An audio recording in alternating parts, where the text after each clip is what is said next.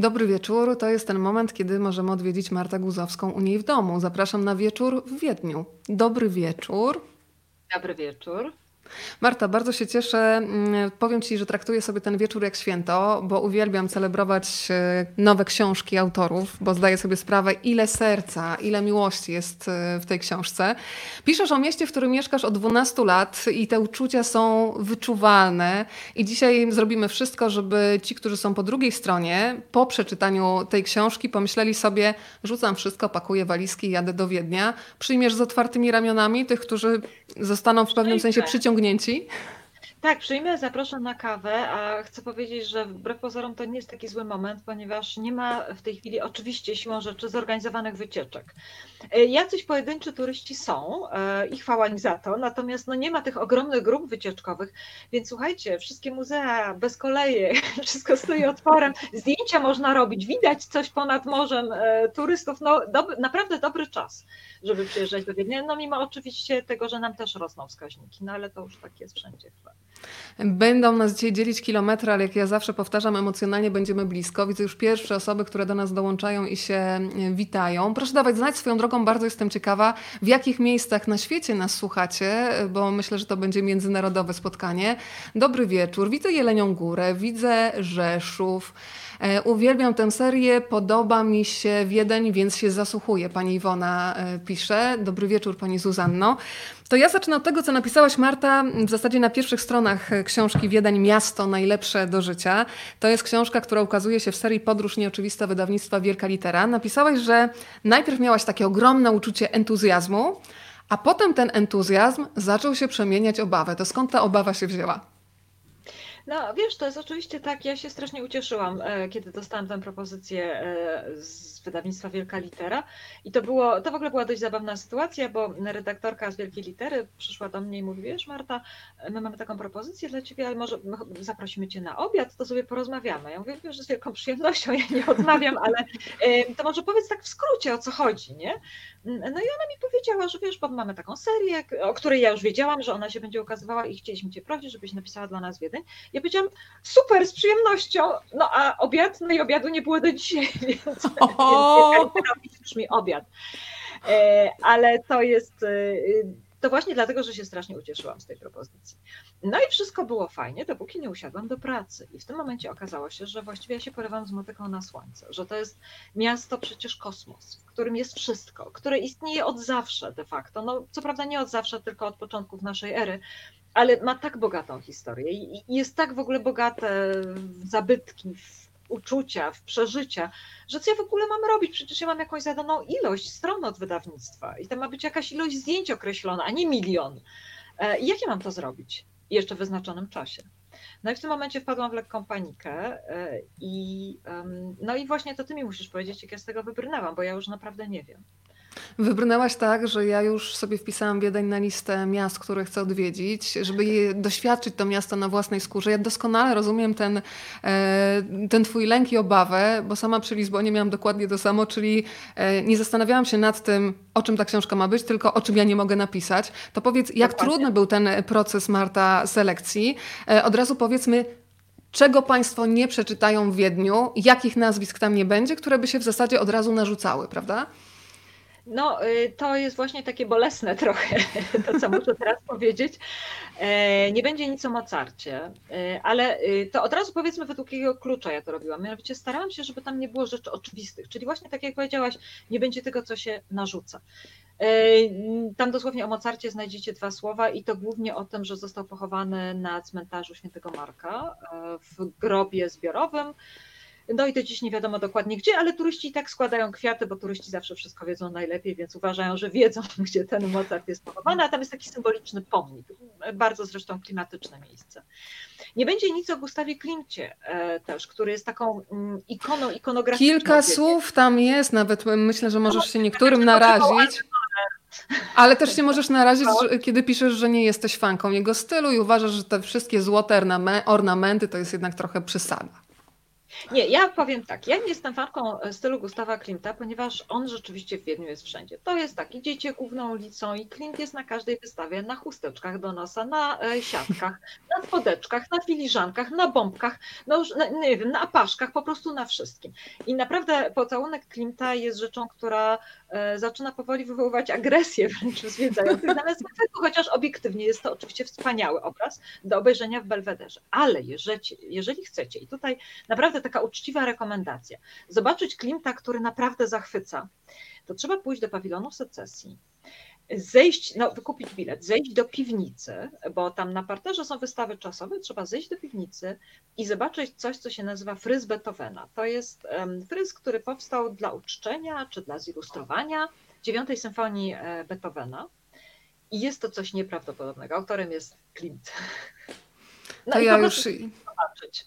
To ja już ten magnes czuję, on mnie przyciąga, chcę tam być. Przekazuję Ci tylko, Marta, że są z nami Państwo, mówiłam, że będzie międzynarodowo. Słuchają nas Państwo w Wielkiej Brytanii, są między innymi pozdrowienia z Londynu, ale jesteśmy też y, w Portugalii. Dobry wieczór z Sulejówka, o, dobry wieczór z Kilonii. Proszę się meldować, gdzie nas Państwo słuchają, a teraz Marta wyjaśni tym wszystkim. To mnie trochę zaskoczyło, no bo Ty mieszkasz dzisiaj w Wiedniu mm, już prawie 12 lat, tak piszesz no, w książce. No, czyli nawet ponad. Wiosną, więc... A czas leci.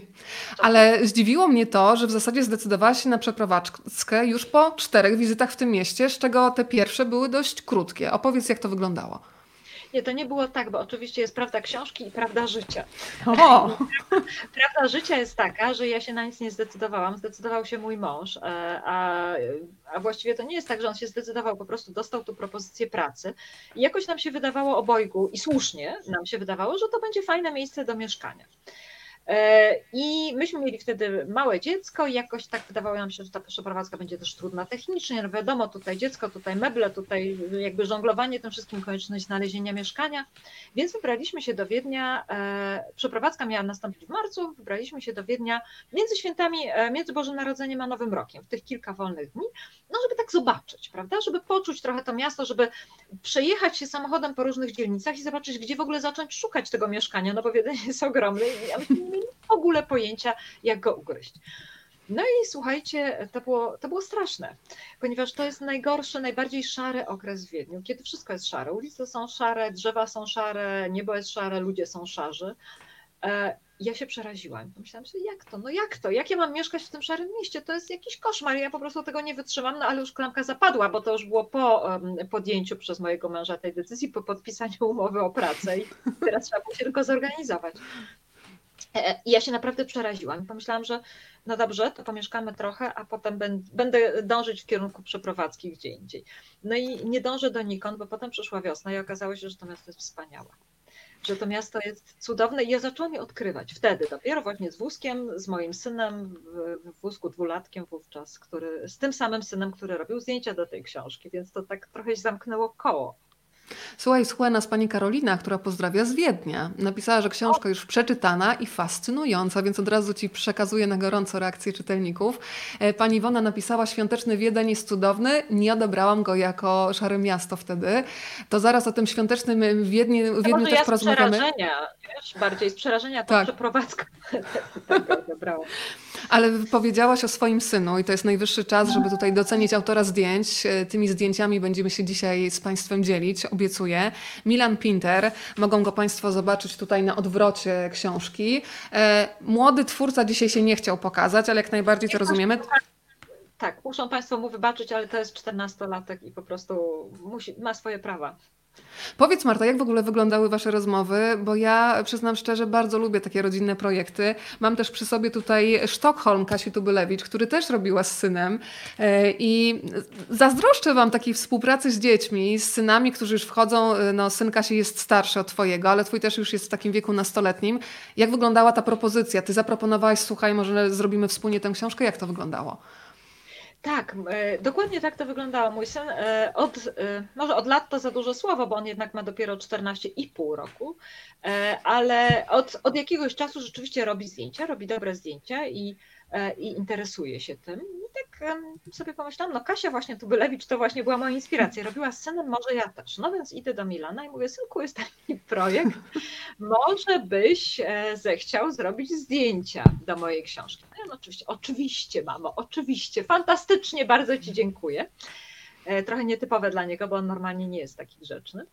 No ale schody się zaczęły później, bo e, naprawdę życzę szczęścia każdemu, kto chce wyciągnąć nastolatka do roboty. To jest naprawdę, to naprawdę nie było proste. To było, synu, idziemy do miasta robić zdjęcie. Oj mamo, no muszę, no muszę, no muszę dzisiaj, ale ja się Umowa podpisana.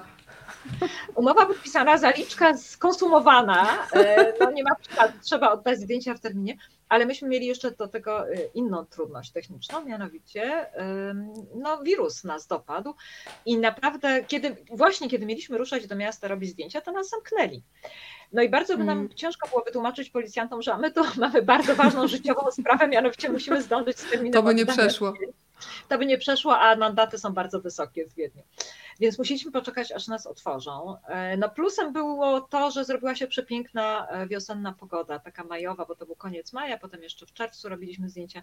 Przepiękna pogoda i było już dość zielono, więc rzeczywiście ten Wiedeń nie wyglądał jak po wybuchu atomowym, bo próbowaliśmy też robić zdjęcia w zimie, ale to wyglądało jak miasto po, po wojnie nuklearnej, więc stwierdziliśmy, że nie, poczekamy na liście na drzewach. I plusem było to, że było właśnie bardzo mało turystów i możecie Państwo zobaczyć e, w tej książce zdjęcia, których, znaczy ujęcia, których nigdy byśmy nie zdołali zrealizować przy normalnej ilości turystów w Wiedniu. Po prostu nigdy, bo zawsze ktoś byłby na pierwszym planie, a nam się udało. Muszę Ci przekazać, że Michał Nogaś ściska nas obie. Odściskowujemy, że tak powiem, Michał. A swoją drogą ja, Michał, na Ciebie też tu czekamy. W okularach. Tak, czekamy. Czekamy cię na ciebie też w Wiedniu, Michał. Twoja książka też już wkrótce swoją drogą. O tym też porozmawiamy, ale dzisiaj Wiedeń Centrum Zainteresowania. Słuchaj, Leszek Talko zadaje konkretne pytanie. Czy Milan nie zapytał, ile z tego będę miał i jak się dzielimy? Konkret pytanie. A, tak, Milan zapytał oczywiście w pierwszych słowach, ile z tego będzie miał, ale ponieważ za zdjęcia jest oddzielna umowa z oddzielną konkretną sumą, więc to było od początku jasne, ile z tego będzie miał i nie było mowy o podziale. Po prostu to ja... dostał e, konkretną sumę. To ja od razu przejdę do prezentacji zdjęć i nie ukrywam, że pokażę jedno z moich ulubionych, e, ponieważ e, ja w ogóle, ja wiem, że to dziwnie zabrzmi, ale ja jestem fanką cmentarzy, ponieważ zawsze jak jeżdżę po świece... To zakładamy takie. Każdy, kto był w Wiedniu, musi być fanem cmentarzy, bo to jest takie miasto. Zakładamy takie nietypowe Stowarzyszenie Fanów Wędrówek Cmentarnych. E, to przenosimy się teraz na cmentarz centralny i w kategorii najbardziej oryginalny, najbardziej odjechany, użyję, użyję takiego kolokwialnego sformułowania pomnik, no to myślę, że ten wygrywa. Jesteśmy teraz na cmentarzu centralnym w Wiedniu. Proszę mi powiedzieć, kto spoczywa pod tym tłustym kotem z takim futrem wyrzeźbionym oczywiście i z pozłacaną koroną. E, pod tym kotem spoczywa Manfred Dix, to był e, satyryk, e, karykaturzysta, no ogólnie rzecz biorąc osoba, która patrzy na życie ostro i pod kątem. I ten kot mnie zafascynował od pierwszego spojrzenia. Tego kota mam na niezliczonej ilości zdjęć, bo to jest po prostu taka rzeźba, którą każdy chce fotografować, a jeszcze w ramach anegdoty, że kiedy robiliśmy zdjęcia do tej książki, to mm, ten kot stoi tak trochę w głębi trawnika no i nie bardzo wiedzieliśmy, czy wolno wchodzić na ten trawnik, czy nie wolno. E, a byliśmy tam w trakcie, dość rano i nie było zbyt wielu odwiedzających cmentarz, natomiast była obsługa, byli ogrodnicy, którzy podlewali, przycinali i tak dalej. No i ja tylko czekałam, aż ci ogrodnicy się schowają za krzaki. Mówię, Milan, kładź się, kładź się. Teraz. Zdjęcie z boku teraz, bo nie wiadomo, czy nas nie wyrzucą za chwilę i nie zrealizujemy programu zdjęciowego. Więc to są takie trochę zdjęcia partyzanckie, bo właśnie nie mogliśmy zrobić dobrego ujęcia ze ścieżki, tylko musieliśmy się zbliżyć do kota. E, to jest chyba mój numer jeden, absolutnie, jeśli chodzi o pomniki e, na cmentarzu centralnym. Ale z cmentarza jeszcze nie wychodzimy, ponieważ w książce Wiedeń Miasto Najlepsze do Życia pojawia się też zdjęcie, które prowadzi nas do takich bardzo smutnych, ale też tajemniczych historii. Myślę o cmentarzu bezimiennych. To jest takie miejsce, w którym nawet patrząc na zdjęcie wyczuwa się rodzaj takiej atmosfery, gdzie człowiek się zatrzymuje i, i trudno, żeby się nie zastanawiał nad historią osób, które są już tam pochowane pod ziemią. Tak, to jest takie mm, przeciwne miejsce, muszę powiedzieć, bo z jednej strony bardzo smutne i tak nawet nie melancholijne, tak jak cmentarze zazwyczaj są, tylko takie autentycznie smutne ale z drugiej strony w jakiś dziwny sposób uspokajające. I to jest takie miejsce, w którym rzeczywiście człowiek e, siada i zastanawia się no, nad wszystkim tak naprawdę. To jest cmentarz, w którym chowano przez 40 lat ofiary bez, zazwyczaj bezimienne, chociaż na niektórych grobach są nazwiska, jeśli się to udało ustalić. Ofiary Dunaju, czyli osoby, które utonęły w Dunaju. Ten cmentarz znajduje się tuż przy Dunaju. E, chociaż akurat na zdjęciu tego nie widać. I rzeczywiście wyłowionych e, topielców e, tam chowano, zazwyczaj z tabliczką unbekannt albo Namen los, czyli nieznany albo bezimienny. Czasami jest też napisane kobieta, mężczyzna, no i to jest takie właśnie no, no, smutne, prawda, że nikt nigdy nie będzie wiedział, kto tam leży. A dla mnie jednocześnie na tym cmentarzu jest zachwycające to połączenie z naturą, że tak naprawdę to jakby był w ogóle taki znak, że tak naprawdę jesteśmy tutaj na chwilę, a potem znowu zamieniamy się w cząstkę natury. Zresztą piszesz w książce, że Wiedeń jest takim miastem, e, w którym można w parku sobie posiedzieć, w którym można siedzieć na trawie i są też e, bardzo mądre pomysły, które bardzo bym chciała, żebyśmy przenieśli do wielu miast w Polsce, zrywania wręcz betonu i oddawania tego miasta naturze. Możesz trochę o tym więcej opowiedzieć? Tak, to jest bardzo fajne w Wiedniu. Tych pomysłów jest w tej chwili naprawdę dużo. W wielu miejscach miasta. Myślę, że to są lokalne inicjatywy dzielnic e, przede wszystkim. I wygląda to w ten sposób, że no dobrze, to zrewitalizujemy jedną ulicę. To, to nie są mega pomysły. To są zawsze ograniczone miejscowo i czasowo, ale to jest właśnie piękne w tym, że tu uliczka, tam uliczka, tu krzaczek, tu, tu, tu posiejemy trawę, tam zasadzimy kilka krzaków, zerwijmy ten beton, no bo Wiedeń przyjął do wiadomości globalne ocieplenie. Wiedeń przyjął do wiadomości to, że miasta wylane betonem e, mają o wiele wyższą temperaturę niż miasta wysadzone właśnie trawnikami i, i drzewami i przyjął do wiadomości, że te dwa miliony, niecałe dwa miliony mieszkańców muszą jakoś żyć, że powinny dobrze żyć e, i że będzie im przyjemniej po prostu, jeżeli będzie chłodniej i, i zielono. I to jest, to jest tyle. Tutaj nie trzeba żadnej wielkiej ideologii. Natomiast fantastyczne. Wystarczy myśleć, prawda? Tak, że tych projektów jest dużo, one są niewielkie w różnych miejscach tak. i stopniowo, stopniowo jeden w ogóle jest zielony, w ogóle miał dużo parków, ale to nie chodzi o parki, to chodzi o takie mini parki, to chodzi o kilka krzaków, to chodzi o trawę, właśnie trawnik zamiast betonu. Czyli jakby odwrotność tego, co często się robi w Polsce, kostka bauma zamiast trawy, prawda? No więc tutaj mhm. jest odwrotnie. Muszę Ci przekazać pozdrowienia od Justyny Ołtarzewskiej za ten, ale także pozdrowienia serdeczne z Pińczowa od e, Iwony. E, I informacje od Iwony to jest z kolei e, dla Twojego syna, że intrygujące zdjęcia mamy. Łapiemy równowagę cały czas. tak, to jest telefon, który jest ustawiony na statywie, który należy do mojego syna. Ale zdjęcia w książce, od razu mówię, są stabilne, jak najbardziej są ostre, więc tutaj jest wszystko w, w porządku. Tak, to prawda. Zdjęcia są rzeczywiście wspaniałe. Ja muszę powiedzieć, to nie jest żaden nepotyzm z mojej strony, bo y, ja staram się traktować moje dzieci tak, jak na to zasługują, ale uważam, że naprawdę się Milanowi udała ta praca. A napracował się, bo oczywiście to, co się znalazło w książce, to jest tylko mały ułamek tego, co on zrobił. I to, co mamy w komputerze, i to niezliczone ilości ujęć, i potem wybieranie najlepszego, e, no to była naprawdę ciężka praca. Dziecko Pytanie... posmakowało, jak to jest. E, zachęcam oczywiście do tego, żeby z jednej strony pozdrawiać, meldować się, że tak powiem, z różnych miejsc na świecie, ale można też zadawać pytania. Pan Tomek pyta, czy wystarczy weekend, by poczuć Wiedeń, e, bo podobno są już fajne loty weekendowe. No to widzę, że pan Tomek, żeby nie było tajemnicą, jest moim mężem. E, chyba więc planuje w takim razie wyjazd. To powiedz, Marta, droga, weekend wystarczy, czy to jednak za krótko? Weekend wystarczy, żeby poczuć Wiedeń, dokładnie tymi słowy. Na pewno nie wystarczy, żeby poznać Wiedeń, no nie oszukujmy się.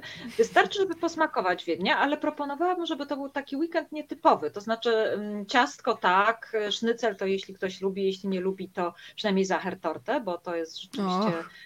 taki solidny kawał Wiednia, który serdecznie polecam, w wielu cukierniach bardzo dobry. Natomiast niech to nie będzie tylko spacer po Hofburgu, niech to będzie właśnie spacer po cmentarzu centralnym, niech to będzie przejście się uliczkami tymi troszeczkę odleglejszymi od centrum, niekoniecznie tymi w samym centrum. Niech to będzie to i to, niech to będzie mieszanka tego Wiednia cesarskiego z tym Wiedniem no, takim normalnym, w którym wszyscy żyjemy. Przecież nie możemy funkcjonować cały czas jak cesarz, cesarz i cesarzowa.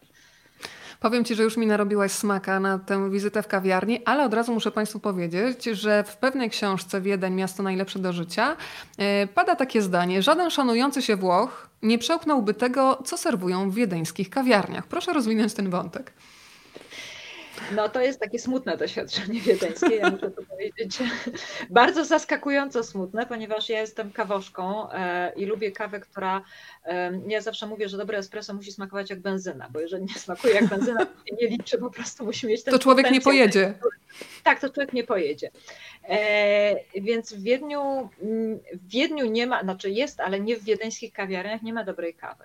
Co mnie zaskoczyło strasznie, ponieważ Wiedeń jest przecież, legenda głosi, że pierwszym europejskim miastem, ale to podobno nieprawda, ale jednym z pierwszych w każdym razie mm -hmm. europejskich miast, które miały kawiarnie, które serwowały kawę i ta kawa Wiedeń, to wydaje się, że to jest wręcz to samo, prawda? Kawa Wiedeń, Wiedeń kawa.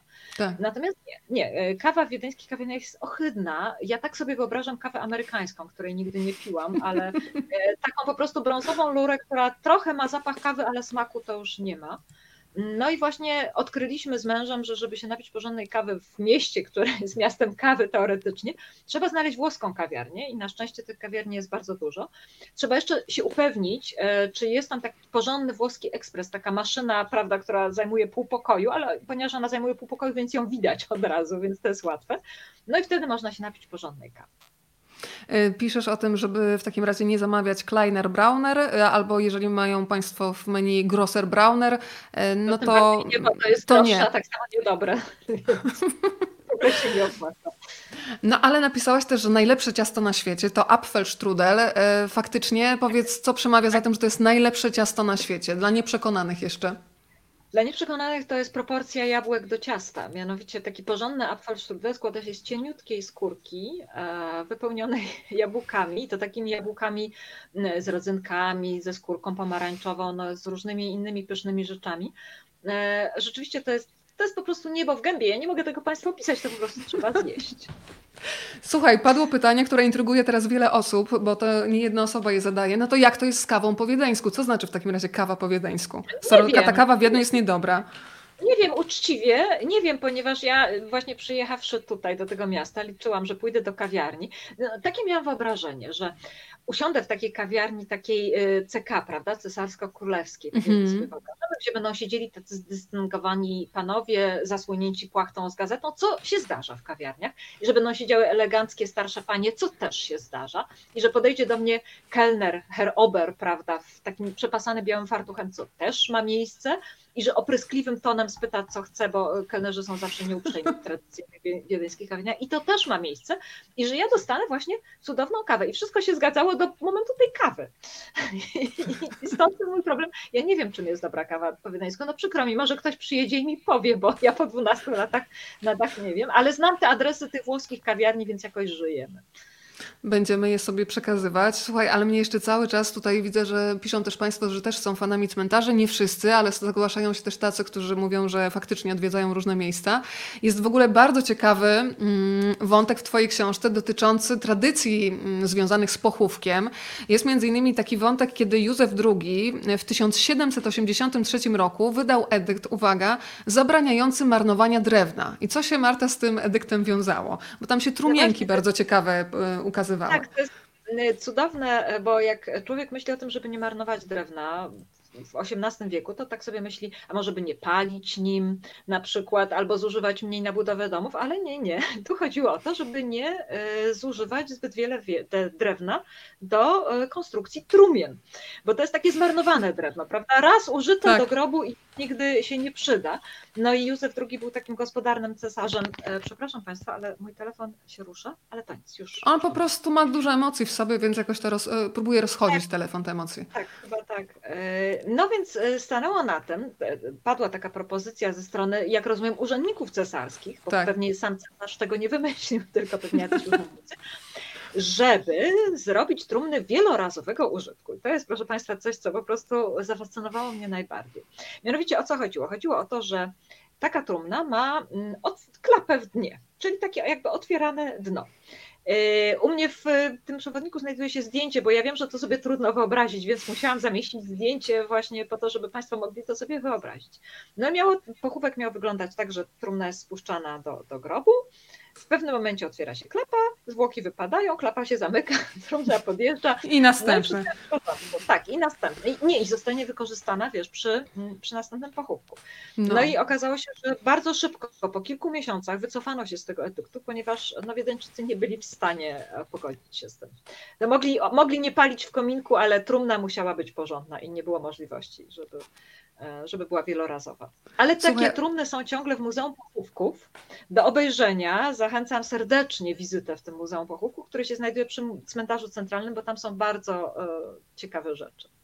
E, słuchaj, jest chyba nas Londyn uratował, jeżeli chodzi o kawę po wiedeńsku. Ania pisze, kawa po wiedeńsku powinna być z czekoladą i bitą śmietaną. Może taka jest dobra, ale ktoś tu od razu dodaje, że to, to, może jest tak, że tak jak w Grecji nie bardzo wiedzą o co chodzi z rybą po grecku, to może w Wiedniu też niekoniecznie z tą kawą. Mam takie podejrzenie, że w Grecji nie wiadomo, co jest z grą po grecku i w Wiedniu pewnie można dostać e, kawę z czekoladą i bitą śmietaną. Myślę, że ona jest tak samo obrzydliwa, tylko z czekoladą i z bitą śmietaną, więc tutaj nic niestety nie zmienia się. Bardzo ciekawy wątek, o którym ty wspominasz w książce i bardzo fajnie, że możemy go teraz rozwinąć. Jasia pyta, e, czy twój syn lubi wiedeńską, wiedeńską szkołę i jak wygląda tam edukacja. E, domyślam się, że młodzież lubi odwiedzać prater. To ja od razu jestem winna Państwu jedno sformułowanie, które pada w książce Marty chyba co najmniej kilka razy, nie jedźcie na prater. Zanim powiesz, dlaczego nie jedźcie, to skupmy się na edukacji, a potem ten drugi wątek. E, dobrze, no więc ze szkołą jest tak, że e, mój syn jest już teraz w liceum, a liceum, no to jest liceum, to już trzeba się po prostu e, zabrać do roboty. Natomiast rzeczywiście fantastyczna jest w Wiedniu, muszę powiedzieć, że fantastyczna edukacja podstawowa, przede wszystkim podstawowa. E, a mówię to z pełną odpowiedzialnością, ponieważ moja córka w tej chwili chodzi do podstawówki, a oboje dzieci, syn chodził, a córka chodzi do zwykłej państwowej podstawówki za rogiem. To nie jest żadna prywatna szkoła, to nie jest żadna elitarna szkoła, a nawet powiedziałabym, że jest bardzo egalitarna, bo rzeczywiście są tam dzieci z najróżniejszych rodzin.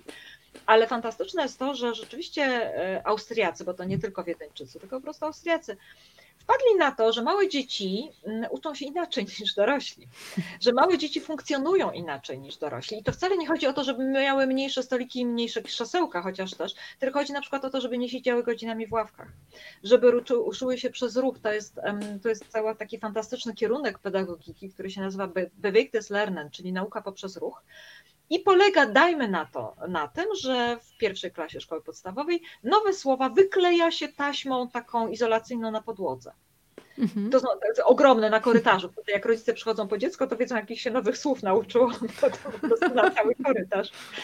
E, albo na przykład uczą się liczyć skacząc na jednej nodze, potem wracają na drugiej nodze.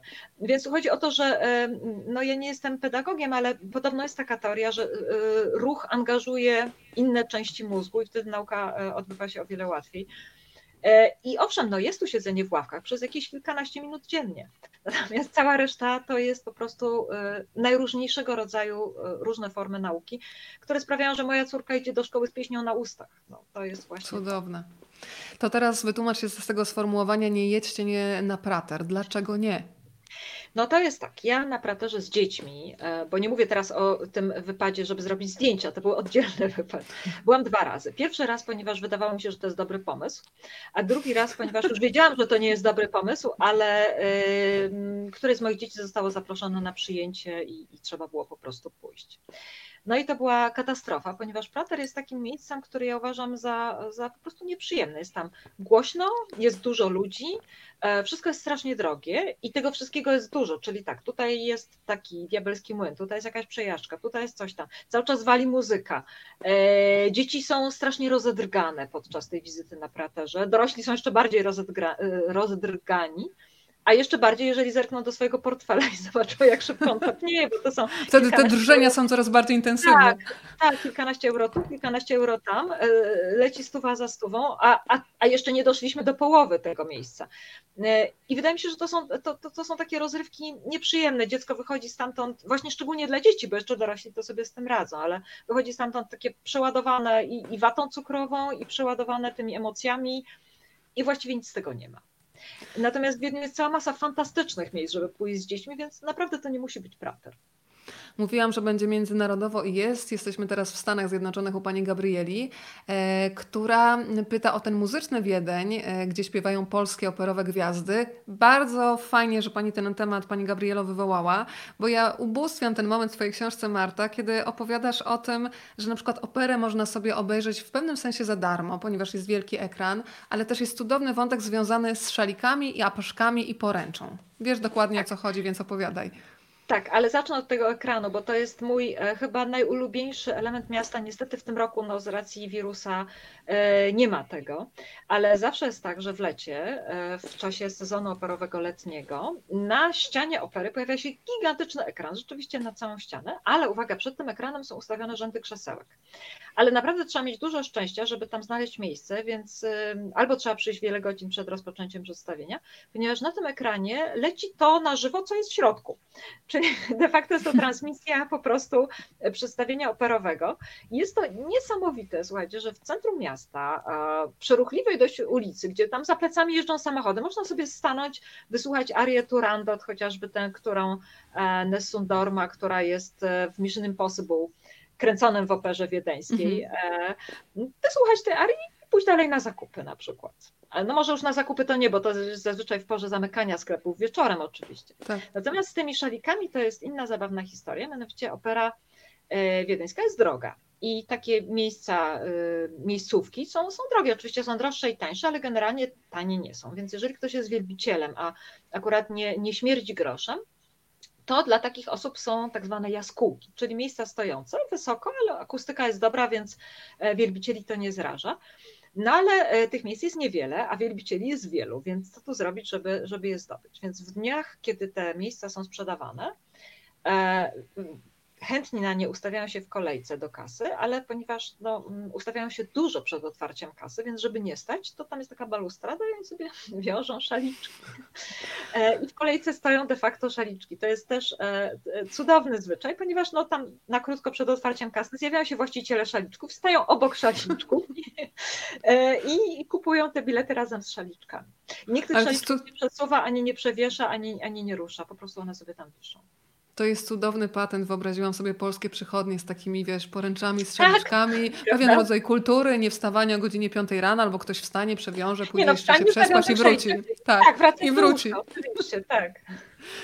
Wstać o 5 rano można też czasami, uwaga, uwaga, z psem. I tutaj dochodzimy do ciekawej opowieści związanej z psami. Piszesz o tym, że Wiedeńczycy y, psy bardzo lubią, e, no ale też mają jasne przypisy dotyczące tego, co jest dla mnie oczywiste, że po swoim psie sprzątamy, a jeżeli nie, powiedz, jakie są kary i na ile to jest przestrzegane w tym mieście?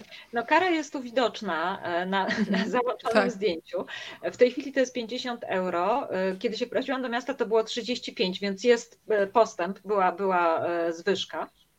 Natomiast, e, no wiesz, to nie jest tak, że 100% e, psów nie zostawia po sobie śladów. Natomiast rzeczywiście faktem jest, że jest dość czysto. Więc myślę, że większość właścicieli mm, no, zastanawia się i, i, chodzi z tymi woreczkami. Zresztą chciałabym też powiedzieć, że woreczki są wszędzie. Można je wyjąć z takich specjalnych pojemników, które są na rogach ulic, więc nawet jak się zapomnie swojego własnego woreczka, a komuż to się nigdy nie zdarzyło, prawda? Zawsze się tak. komuś kiedyś zdarzy, no to nie ma tragedii, bo, bo można sobie taki woreczek państwowy wziąć. I rzeczywiście właściciele sprzątają po swoich psach. To muszę powiedzieć. No, zdarza się czasami wdepnąć w psią kupę, ale rzadko. Na szczęście, nie? Na szczęście. Ale wiesz, co mnie zachwyciło, że Wiedeńczycy, jeżeli chodzi o schroniska w Wiedniu, przygarniają też psy po sąsiedzku z innych y, państw. Myślę, że to jest bardzo rzadkie, więc trochę też o tym powiedzmy. E, I mówisz, że na przykład pies w centrum handlowym czy pies gdzieś na poczcie to jest w ogóle normalna sprawa e, i nikt nie ma z tym problemu.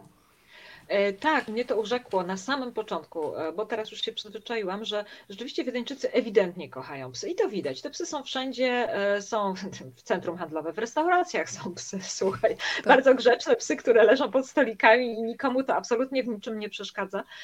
Rzeczywiście Wiedeńczycy, Wiedeńczycy je bardzo lubią, zabierają je ze sobą wszędzie. Te psy są bardzo dobrze wychowane, co niestety ja walczę z naszym psem, którego próbujemy wychować i zawsze tak zazdroszczę, że wszyscy mają takie grzeczne psy, tylko nasz jest niegrzeczny. No bo Lucy jest z Węgier, tak? To może to e, tak, trochę Lucy tłumaczy. Jest Węgierką. Wiedeńskie są e, tylko grzeczne. E, być może e, to tłumaczy coś, mianowicie e, faktem jest właśnie, że w schroniskach wiedeńskich, a myśmy się uparli, że przygarniemy psa ze schroniska, więc to był taki nasz priorytet, jest dużo psów z ościennych krain, jeśli można tak powiedzieć, ze Słowacji, z Węgier właśnie. Wydaje mi się, że też z Serbii, Chorwacji, chociaż tutaj akurat nie jestem pewna. I rzeczywiście no, nasz pies jest z Węgier, ma książeczkę, ma swój paszport po węgiersku wypisany, przynajmniej ten e, początkowo wypełniony przez e, weterynarza po węgiersku. I to jest, wydaje mi się, takim strasznie sympatycznym e, dowodem na to, że Wiedeńczycy no, kochają psy i biorą je do siebie często. Chociaż muszę powiedzieć, że mm, posiadam psa od pół roku i mm, rzeczywiście Wiedeńczycy preferują psy rasowe albo przynajmniej wyglądające na rasowe. I nasz kundel, a my mamy takiego strasznego kundla, że naprawdę trudno się domyślić. Moja droga, to jest pareras. Zawsze odpowiadaj, że to jest pareras, składnik pareras i możesz mówić pareras hiszpański. I kompletnie inaczej to brzmi. Ja to ściągnęłam Magda Popławska kiedyś mi powiedziała i ja dopiero przyznaję się z ręką na sercu na montażu złapałam żart, że to parę raz, parę raz. ale teraz już używam z przyjemnością. Naprawdę będę tak mówiła, ale muszę Ci powiedzieć, że ja ostatnio omal nie popełniłam strasznej gafy, ponieważ mm, chodzimy z Lucy teraz na kurs, wreszcie po, po wirusie się otwarły kursy dla psów. No i e, obok mnie usiadła pani właśnie z takim psem, który wyglądał jak jakiś taki straszny kundel, trochę jak nasz. No myślę sobie, och, no nareszcie jakaś inna z. Ale zapytałam tak i na szczęście, zapytałam taktownie, a cóż to jest za rasa? E, w domyśle, że mieszaniec, a usłyszałam, a nie, bo to jest taki szwajcarski pies, um, jakiś owczarek czy coś takiego. No w mhm. każdym razie jakaś bardzo specjalna i bardzo rzadka rasa. No i dzięki Bogu, że nie powiedziałam, a to jakie rasy są zmieszane są? Bo to był Całe bardzo rasowy i podejrzewam bardzo drogi pies też. No, więc... Mnie ostatnio ujął pan w warszawskiej pralni. Przyznaję, że się bardzo czaiłam wejść czy nie wejść, ale nie bardzo chciałam chciałam zostawić psa przed, a pan właściciel akurat wychodził i powiedział do nas z pieskiem i powiedział zdanie, które kocham. E, u nas pies jest najważniejszą osobą. I ja jestem już teraz wierną jak pies klientką tej e, pralni. No, Ale teraz przenosimy się na ulicę Wiednia. To są takie detale, które mnie zawsze w miastach urzekają. E, Libes Ampel, tak to się nazywa. Czy to tak. jest na każdej sygnalizacji świetnej w Wiedniu, czy tylko na niektórych uliczkach? Coś, co powoduje, że człowiek przechodzi przez ulicę i po prostu się uśmiecha. Nie, to jest, e, rzeczywiście to się zaczęło kilka lat temu. E, zaczęło się w samym samiutkim centrum, czyli tym najbardziej turystycznym e, rejonie i teraz powoli zaczyna wypełzać z tego centrum, ale dość powoli, no bo to jednak wymaga przeinstalowania świateł. To, co Państwo widzą, to są światła dla pieszych oczywiście, czerwone bądź zielone i na tych światłach są dwie panie, dwóch panów albo pan z panią. I z takim, nie wiem czy to widać, Cudowne. jak duże Państwo mają ekrany, z serduszkiem. E, na zielonym te pary idą, na czerwonym oczywiście stoją, na każdym świetle trzymają się za ręce i tyle. I to jest tak cudowna promocja tolerancji i moim zdaniem więcej nie trzeba, a te światła stały się natychmiast słynne. Piękne. Życzę sobie, żeby takie światła pojawiły się w Warszawie i we wszystkich miastach w Polsce. Pani Zofia pisze, ja mam z Wiedniem bardzo miłe wspomnienia. Dwa lata temu biegłam tam maraton. Było tak upalnie, o. że ciężko wspominam ten bieg, ale sam pobyt był cudowny. Tort Sahara zjedzony bez wyrzutów sumienia. Piękne miasto, piękna architektura. Mam nadzieję, że jeszcze wrócę. To mam nadzieję, że tam się spotkamy wszyscy. Pani Ania pyta, e, czy mogłabyś coś powiedzieć o słynnym koncercie noworocznym Filharmoników Wiedeńskich? Podobno, aby dostać bilety trzeba mieć wielkie szczęście. Czy miałaś okazję być na takim koncercie? Nie no, skąd? Ja nie mam aż takiego szczęścia. E, nie, to rzeczywiście jest tak, że z, tym, e, z tymi koncertami, z balem w operze i właśnie tym koncertem jest tak, że część biletów oczywiście dostają różni prominenci i celebryci, a część biletów jest losowana po prostu. Jest wielka loteria. No i to mhm. trzeba mieć rzeczywiście wielkie szczęście. Ja nie bardzo, mm, powiem szczerze teraz, ja więcej mogłam o tym koncercie powiedzieć, kiedy byłam dzieckiem i był dorocznie emitowany w polskiej telewizji, a teraz od lat tak. nie mamy telewizora, no a ponieważ nie, nie dostąpiliśmy nigdy tego zaszczytu, żeby się tam zjawić, więc niewiele mogę o nim powiedzieć, oprócz tego właśnie, że trzeba mieć wielkie szczęście, e, żeby wygrać w loterii, a ja nigdy nic nie wygrałam w żadnej loterii, więc... Ale my dzisiaj wygraliśmy los na loterii, czyli spotkanie Marta z Tobą. I teraz pokażę ulubioną miejscówkę Marty, y, jeżeli chodzi o architekturę w Wiedniu. Bardzo proszę, przenosimy się wszyscy do palmiarni. Opowiedz trochę o tym miejscu. No i są podobno tacy, y, którzy mają wątpliwości co do nazwania tej, tej, tej miejscóweczki najpiękniejszą. Dlaczego? No to jest tak, że y, palmiarnia stoi w pałacu Schönbrunn, znaczy przepraszam, w parku otaczającym pałac Schönbrunn.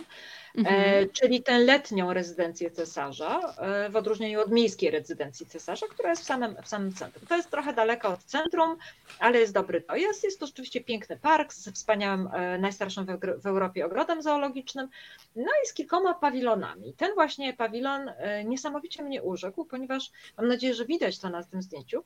On ma przedziwną taką miękką, płynną formę, taką jakby organiczną trochę, a ponieważ no jest to budynek poświęcony zieleni, więc wydaje się, że ta e, jego organiczność jest, jest właśnie jak najbardziej na miejscu.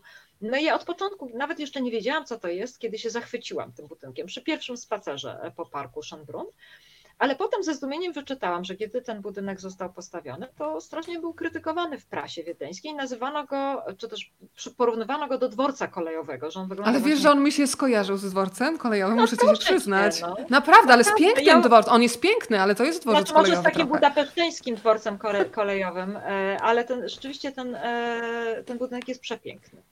E, I o każdej porze dnia i z każdej strony jest to taki, to znów kolejne miejsce, które ja zawsze fotografuję przy każdym spacerze, bo zawsze mi się wydaje, że widzę jakieś, jakieś nowe ujęcie, że widzę pod jakimś nowym kątem, chociaż to nie jest wcale wielki budynek, więc, e, więc rzeczywiście to chyba jest, jeśli chodzi o budynki, to jest to mój, mój ulubiony budynek.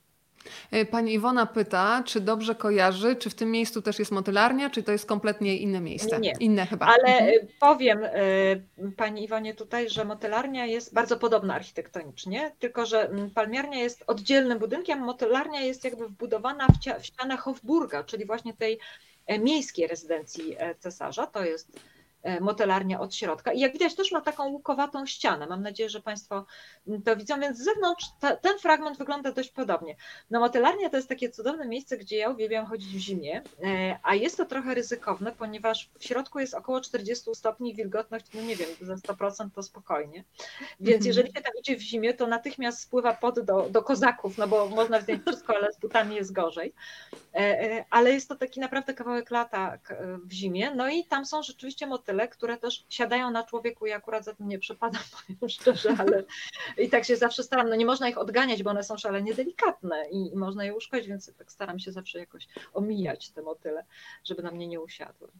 Słuchaj, pojawiają się już pytania, Państwo się między sobą umawiają. Agnieszka pyta, czy zostanie zabrana przez koleżankę na ten dworzec. Widzisz, nazwa dworca, ale najpiękniejszego dworca e, już została w pewnym sensie tutaj e, przyjęta. Pani Marta, cudowny wpis. A ja byłam na koncercie noworocznym, duszno i gorąco, nie sposób skupić się na muzyce, zdecydowanie wygodniej w fotelu domowym.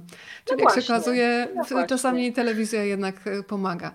Marta, powiedzmy trochę o tym, że w Twojej książce pojawiają się też rozmówcy. Ja bardzo lubię z spotkanie z panem Radkiem Knapem, którego Państwo mogą kojarzyć jako na przykład autora lekcji pana Kuki. To jest człowiek, który w Wiedniu mieszka od 40 y, lat.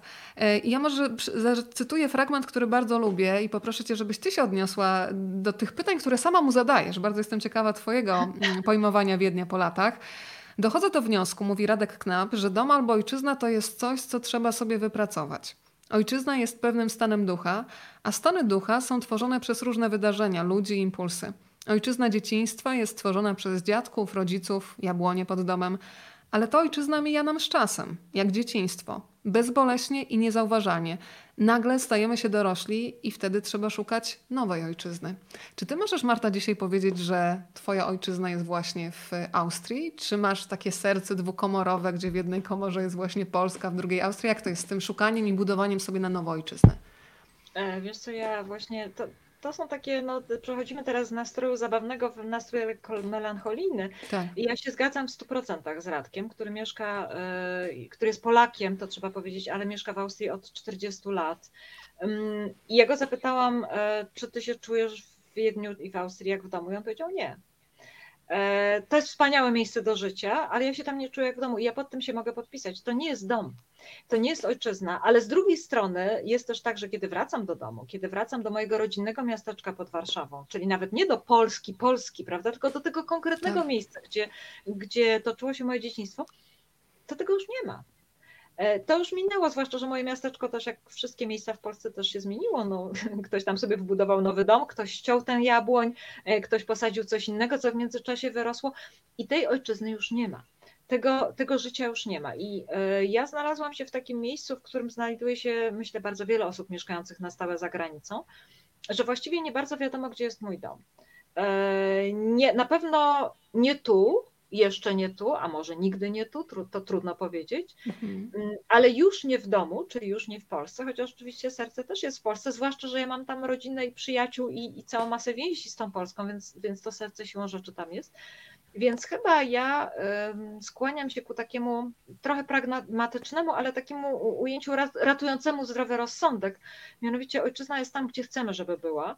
I ojczyzna jest tam, gdzie, gdzie jest moja rodzina, gdzie jest mój dom w danej chwili. Nawet jeżeli ten dom jest wynajętym mieszkaniem, umeblowanym mieszka meblami z bo być może się wyprowadzimy za chwilę, więc po co inwestować w jakieś antyki, e, to to jest moja ojczyzna.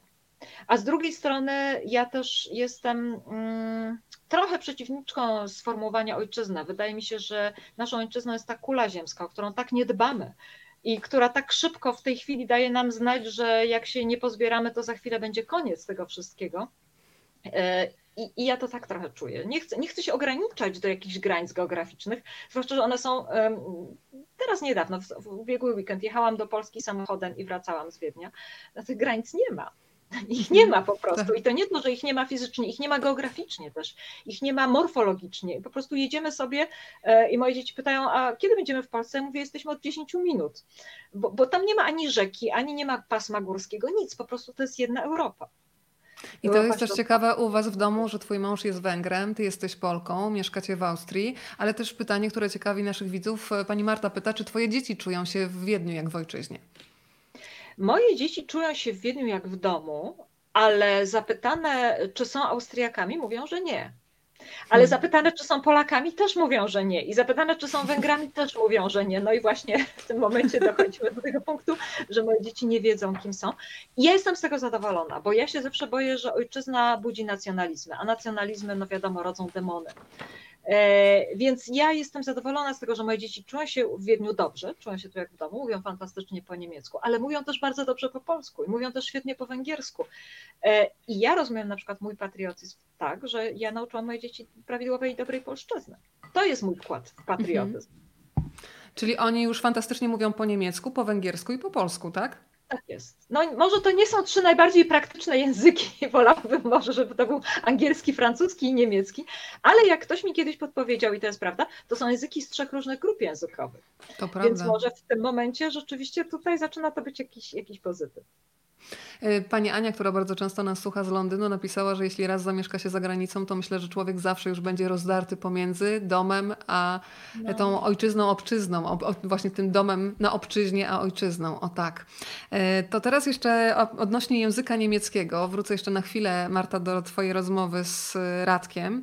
Knapem, która, e, jest tam taki fragment, kiedy rozmawiacie o języku jako pisarze, bo przecież Państwo, e, mam nadzieję, że wiedzą, a jeżeli nie, to teraz się dowiedzą, że Marta jest fantastyczną pisarką. Zdaje sobie sprawę, że sporo osób po drugiej stronie przepada za jej kryminałami, czeka na kolejne odsłony. Jest też archeologiem, ale skupiamy się teraz na języku i rozmowie pisarzy.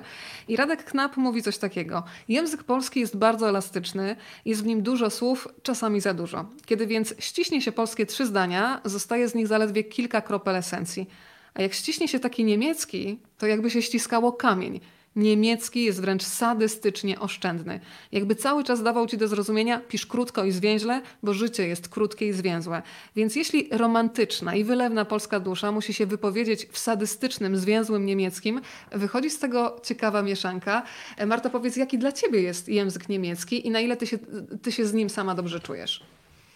No ja e, muszę to wyznać i tutaj wiem, że być może to od razu dostaniemy takie krótkie informacje. Nie, nie, wcale tak nie jest. Ja nie lubię języka niemieckiego i to mhm. nigdy nie był język, którego się chciałam nauczyć tak sama z siebie. E, kocham angielski, bardzo lubię francuski, chociaż mówię słabo w tym języku, bo to jest trudny język, ale kocham jego brzmienie. E, uwielbiam grecki, natomiast niemiecki to był dla mnie zawsze język no, sadystycznie oszczędny, jak to ładnie powiedział Radek. E, I rzeczywiście mm, zajęło mi trochę czasu odkrycie urody języka niemieckiego, a ta uroda nie jest taka oczywista, bo proza współczesna nie zawsze jest pisana, no jak w każdym języku, nie zawsze jest pisana tą piękną Niemczyzną. Czasami trzeba sięgnąć po klasykę, żeby, e, żeby rzeczywiście e, to poczuć. Mój mąż w tej chwili czyta w oryginale Śmierć w Wenecji Tomasza Mana i mówi, wiesz co, dasz radę. Mówi, to nie jest aż tak strasznie skomplikowane, a no, wrażenia estetyczne są niesamowite. Więc mam zamiar, jak tylko on skończy, to mu, to mu zabrać, ponieważ to mamy akurat nie w e-booku, tylko w papierze, więc muszę poczekać na swoją kolej. Natomiast mm, faktem jest też, że ja miałam z niemieckim bardzo dużo przygód, ponieważ e, no, nie lubiłam tego języka, więc przyjechałam tutaj w pewnym sensie wrzucona na głęboką wodę. Trochę mówiąc, ale nie za dobrze. No a tu trzeba iść do lekarza, chociażby z dziećmi, trzeba iść na wywiadówkę do szkoły, no to już takie minimum, prawda? I, i trzeba tak. czasami też jakieś życie towarzyskie prowadzić, a niekoniecznie wszyscy zaraz chcą je prowadzić po angielsku, już nie mówiąc o języku polskim. No i e, tutaj jest z tym zabawna historia związana, ponieważ mm, mój znajomy, taki stary austriacki profesor, który zna życie, powiedział mi, wiesz co, jak będziesz wypełniała wszystkie dokumenty, to wszędzie pisz doktor. Ja mówię, no ale po co? Ja mojego doktoratu to używam tylko i wyłącznie do pracy naukowej. On mówi, nie, nie, nie. Piszesz doktor wszędzie, po prostu wszędzie, ponieważ Austriacy kochają hierarchię. I jak będziesz miała frau doktor Guzowska, to wszyscy cię będą szanować, chociaż mówisz jak pucfrau. I powiedzmy sobie szczerze, taka jest prawda. Pucfrau, czyli pani, która sprząta, prawda? Czyli pani sprzątająca. Sprzątająca. Tak. Mhm. E, e, mówisz fatalnie po niemiecku, ale to, nie, to nie ma znaczenia. I rzeczywiście taka jest prawda. No ja w międzyczasie nauczyłam się tego niemieckiego całkiem przyzwoicie, chociaż nadal robię błędy, które mi dzieci poprawiają. To jest dopiero zabawne, że kiedy na przykład piszę do nauczycielki, to syn mi sprawdza, czy na pewno nie ma błędów, bo to nie wypada. Natomiast rzeczywiście mm, te, na, na, na, przykład mam ten, y, ten tytuł doktorski na karcie ubezpieczeniowej, no i kiedy idę do lekarza jakiegoś nowego, to zawsze, zawsze pada pytanie, sind Sie Medizinerin, Frau Doktor? To znaczy, czy pani jest lekarką? Jest lekarzem. Pani doktor? A ja mówię, nie, nie, ja jestem doktorem nauk humanistycznych. I wtedy, a no tak, to, to zapraszamy do gabinetu. Więc, więc Frau, frau tak doktor Guzowska, kolejne pytania są do frau doktor Guzowskiej. W jakim języku państwo mówią w domu, między sobą z dziećmi? No my w domu mówimy w trzech językach i to jest dopiero zabawne, ponieważ wynika z tego cała masa nieporozumień. E, każdy z nas mówi z dziećmi w swoim własnym języku i to był w ogóle nasz priorytet i tak było od niemowlęctwa, że, że każdy z nas rozmawia z dziećmi w jednym języku w celu gruntowania tego języka. No i to się okazało bardzo dobrym patentem. Ja z mężem rozmawiam po niemiecku, ponieważ poznaliśmy się w Niemczech. Wiem, że to jest trochę słabe, żeby Polska w Polka w romantycznych sytuacjach mówiła po niemiecku, no ale już tak wyszło i, i, i, trudno. Natomiast, e, więc, więc u nas na przykład przy stole, przy kolakcji są trzy języki w użyciu. W ciągłym użyciu. No i czasami które, komuś się wydaje, że coś zrozumiał. Na przykład mnie się wydaje, że zrozumiałam, o czym dzieci rozmawiają z mężem, a, a, a słowo było podobne do jakiegoś, które znam. No i z tego wynikła, wynika cała seria nieporozumień. Ale właśnie to jest zabawne. Mnie to bawi. I to jest czasem wygodne chyba, nie? Po prostu nie zrozumiałem, że miałem posprzątać pokój albo coś innego. Prawda? To tak, tak ale czasem jest to. Tak, ale czasem jest to też e, zdradliwe, ponieważ mój mąż zupełnie niespodziewanie i tajnie zaczął rozumieć po polsku i to bardzo dużo, więc nie można już za jego plecami porozmawiać sobie po polsku, ponieważ on jakoś wyćwiczony przez moją mamę, która mówi do niego i słusznie, jak się okazało, wolno i wyraźnie po polsku, nabył sporo tej polszczyzny. Już się nie da tak za jego plecami nic powiedzieć. Jeszcze pytanie odnośnie dzieci. Ten temat bardzo Państwa interesuje. Czy Twoje dzieci czytają po polsku dla przyjemności? Czytają, ale muszę powiedzieć, że idzie im to trudniej niż po niemiecku. Nad tym ubolewam oczywiście jako pisarka, która pisze w języku polskim, ale wydaje mi się, że to już jest nieuniknione. E, ale rzeczywiście czytają, moja córka ostatnio nawet powiedziała, wiesz mamo, bo mi czytanie po polsku idzie trudno. Ja mówię, tak, dawaj książkę. No i okazało się, mhm. że wcale jej nie idzie trudno, więc była zachwycona tym, że odkryła, a właściwie to nie jest takie trudne. Mhm. To teraz e, pokazuję kolejne zdjęcie, które bardzo lubię, bo jesteśmy w Wiedniu, i proszę bardzo, spotykamy takiego to tak, pięknego konia. Powiedz, w którym miejscu Wiednia można znaleźć właśnie e, stadninę w pewnym sensie i, i przybić, przybić piątkę w zasadzie chciałam powiedzieć, ale nie, pogłaskać po grzywie konia. Na konia się nie da pogłaskać po grzywie, bo tam nie można wchodzić na dziedziniec, A, ale można przybić mm -hmm. piątkę ze stajennym. To też jest zawsze coś. Tak. Natomiast to jest w samiusieńkim centrum, przy Hofburgu, czyli przy Pałacu Cesarskim, są stajnie cesarskie, które to stajnie, no, już nie cesarskie, ale, ale no jakby siłą rzeczy y, ciągle jeszcze cesarskie. Tam są trzymane te słynne konie lipickie, czyli te konie, które są hodowane na pograniczu Austrii i Słowenii, które się rodzą czarne, i chyba po roku, jeśli się nie mylę, e, zmieniają umaszczenie na białe. Więc jeżeli to jest niesamowite. mamy, tak, to jest niesamowite. Mamy białą z czarnym źrebakiem, no to właśnie to ten źrebiak będzie potem też biały.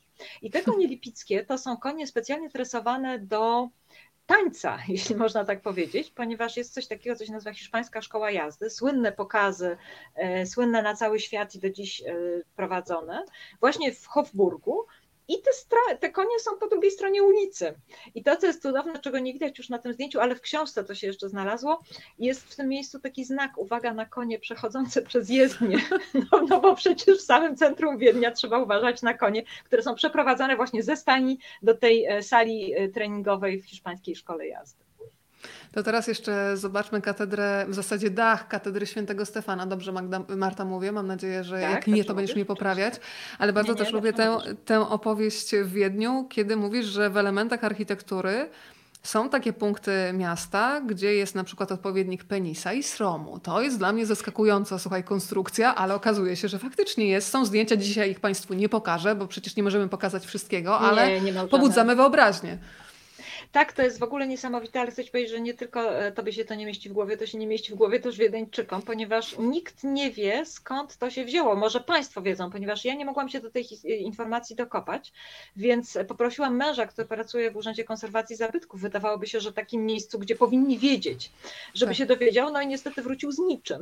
Więc mm, o co chodzi? Chodzi o to, że na fasadzie tej katedry, czyli nie na dachu, tak, który pokazywałyśmy, czyli na fasadzie, na tym głównym miejscu, gdzie się wchodzi, po obu stronach głównego wejścia znajdą Państwo takie dość wysokie filarki, wąskie.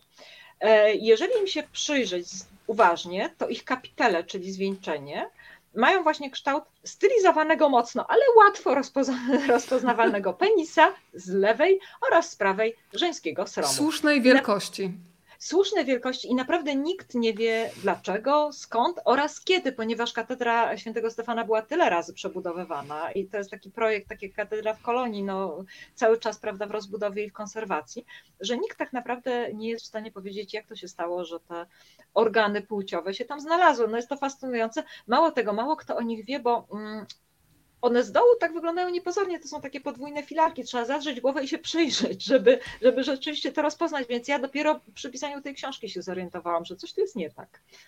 To skoro już jesteśmy przy częściach ciała, to jeszcze bym chciała powiedzieć o największym tyłku, tyłku Wiednia. Bo ten tyłek, też największy tyłek Wiednia można zobaczyć i o tym też bardzo wyraźnie piszesz. Tak, no bo on się tak strasznie rzuca w oczy. Czy masz zdjęcie, żeby pokazać? Ja mam zdjęcie tylko z przodu, prawda? Z przodu mamy, już pokazuję przód. Niestety nie tyłka. To jest e, ten pomnik, prawda? To jest ten pomnik, to jest pomnik Marii Terezy, który znajduje się pomiędzy Muzeami Sztuki i Muzeum Historii Naturalnej na placu ogromnym.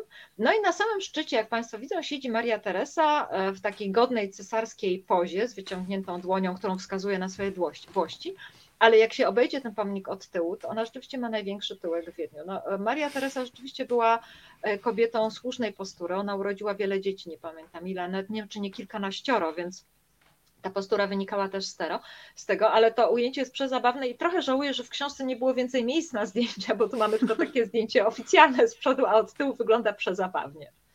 Czyli to jest tylko zachęta do tego, żeby pozwiedzać i zrobić swoje fotografie albo zarejestrować na twardym dysku w głowie i w sercu.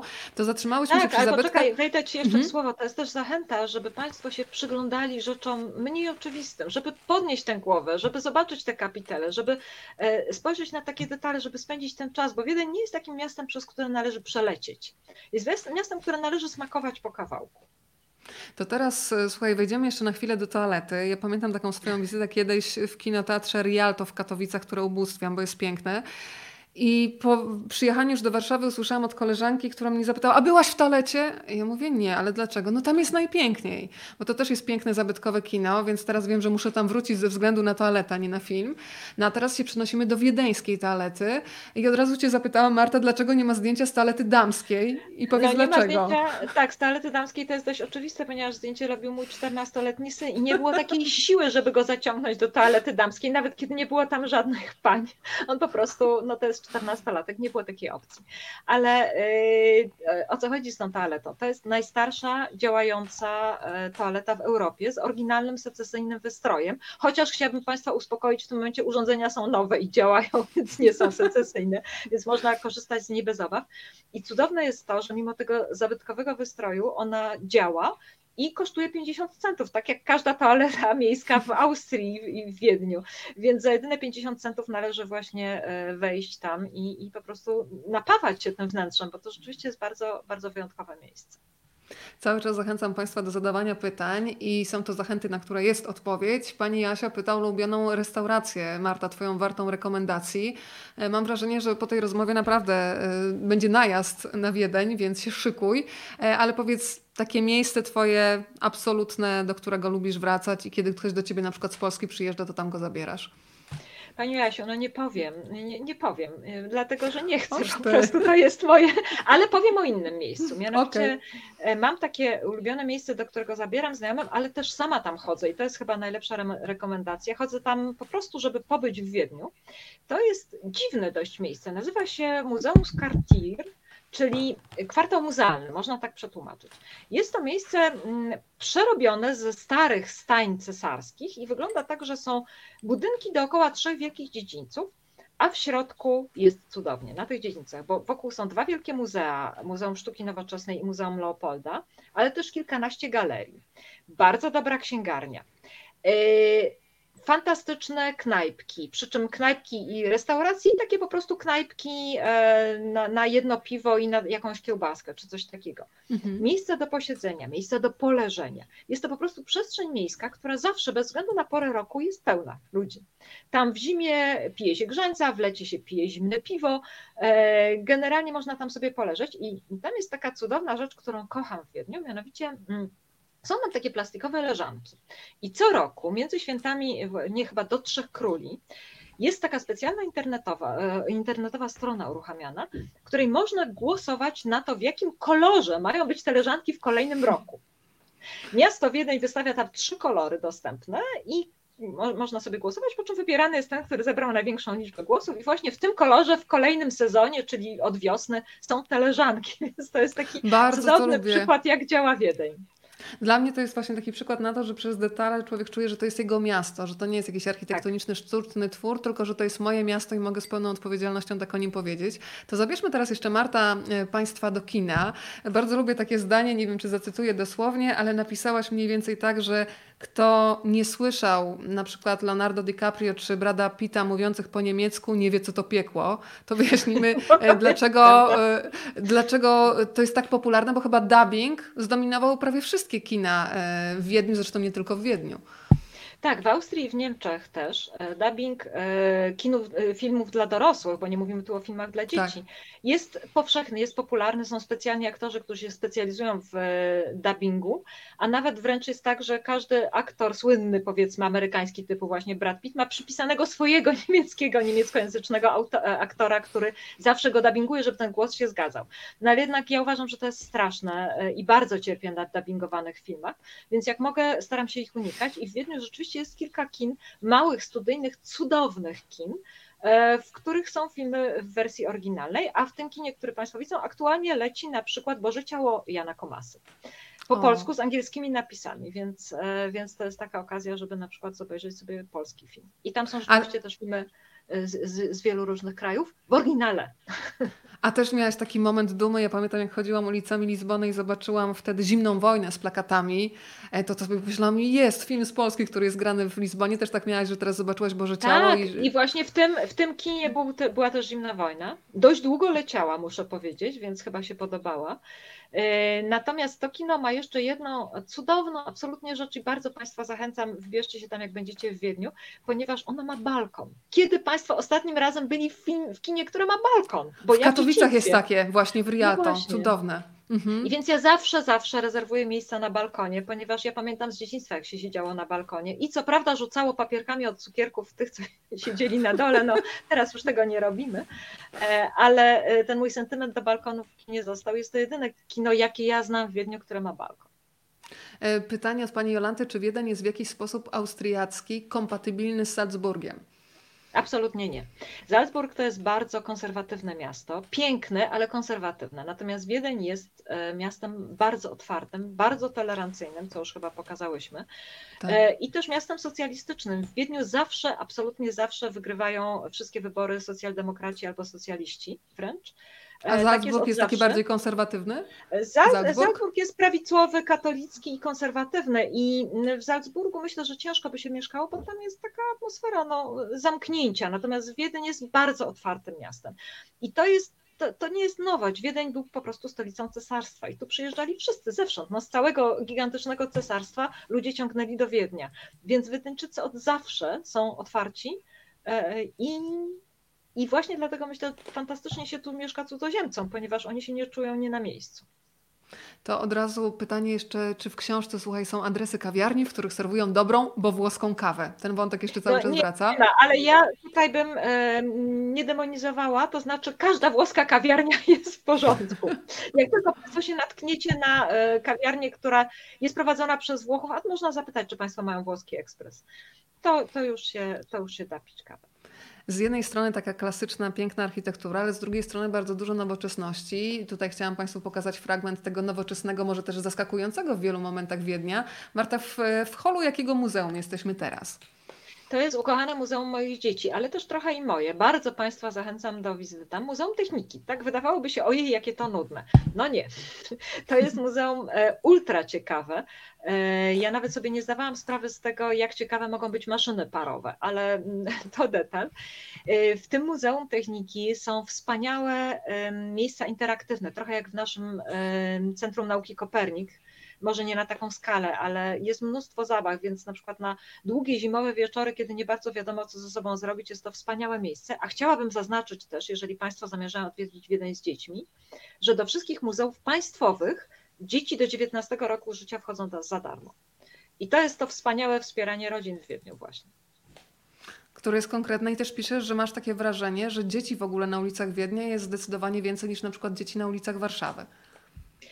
E, mam w ogóle wrażenie, że Wiedeńczycy, nie powiem, że Austriacy, bo nie wiem, ale Wiedeńczycy mhm na większym luzie podchodzą do bardzo wielu rzeczy, w tym do dzieci. I uważają, że jeżeli na przykład grupa nastolatków e, wraca ze szkoły tramwajem i drą się na potęgę, no to po prostu jest to grupa nastolatków, która wraca ze szkoły tramwajem i nie ma sensu robić z tego afery. I też pamiętają, dziecko... że kiedyś mieli tyle lat i też, też tak, tak krzyczeli Albo mieli tramwaju. własne dzieci przynajmniej, tak. E, mhm. Albo e, jeżeli dziecko się rozpłacze na ulicy, no to to jest po prostu dziecko, które płacze na ulicy, a nie rozwydrzony bachor niewychowany, którego matka nie potrafiła wychować. Tutaj wszyscy muszą zwrócić uwagę od razu. Nie, absolutnie nie. To tak. jest taka mhm. po prostu taktyki luz i tolerancja i wydaje mi się w ogóle, że ludzie więcej chodzą z dziećmi w różne miejsca, z wózkami, ale też z takimi właśnie no, dziećmi z najtrudniej, w najtrudniejszym wieku trzy, czterolatkami, które jest ciężko do czegoś przekonać i które często się rzucają na ziemię i płaczą. E, I wloką te dzieci wszędzie. Już nie mówię o tym, jak wiele osób zwiedza muzea z dziećmi. To jest wspaniałe. E, że rzeczywiście te dzieci są tam stawiane przed tym Rembrandtem albo Rubensem i coś im jest tłumaczone, no z większym lub mniejszym sukcesem, ale naprawdę e, to pewnie procentuje po latach. Muszę Cię jeszcze zapytać o rozmowę z Twoim mężem, bo w tej książce są nie tylko zdjęcia Milana, ale są y, także, jest także rozmowa z Farkasem. E, bardzo lubię ten wątek, kiedy rozmawiacie w ogóle o kolorach z przeszłości Wiednia i o tych kolorach, które są dzisiaj y, do zobaczenia w mieście. E, powiedz w ogóle, jeszcze wspomniałaś o tym już w dwóch zdaniach, gdzie Twój mąż pracuje, ale no, rozmawiałaś z fachowcem, nie tylko z najbliższą Ci osobą. E, tak, mój mąż pracuje w Urzędzie Konserwacji Zabytków. Nie jest konserwatorem. E, mój mąż nie ma takiej cierpliwości anielskiej, żeby być konserwatorem, bo to rzeczywiście trzeba mieć nieziemską cierpliwość. Jest geologiem i zajmuje się analizami, e, ale właśnie przez to ma dostęp do bardzo ciekawych różnych wyników badań naukowych. Natomiast mhm. z tymi kolorami to jest tak, że ja w ogóle jestem osobą, która na pytanie, jaki macie samochód, to tu powiada biały, bo to jest dla mnie główne kryterium samochodu. Tak. Więc rzeczywiście fascynuje mnie i fascynowało zawsze, że miasta czasami są w jednym dominującym kolorze albo w kilku dominujących kolorach.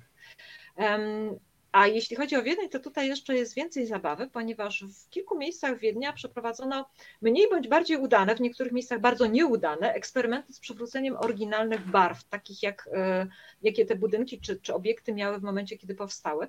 I okazało się, że to jest jakaś straszna katastrofa, e, ponieważ dam jako przykład taką balustradę przy Hofburgu, której mhm. kawałek przemalowano na oryginalne kolory, jakie miała za cesarzy austriackich, czyli taką mm, cesarską czerwień ze złotymi zwieńczeniami. W tej chwili większość tej balustrady jest czarna po prostu, czyli taka niewidoczna dla nas, neutralna. Tak. Proszę Państwa, to jest katastrofa.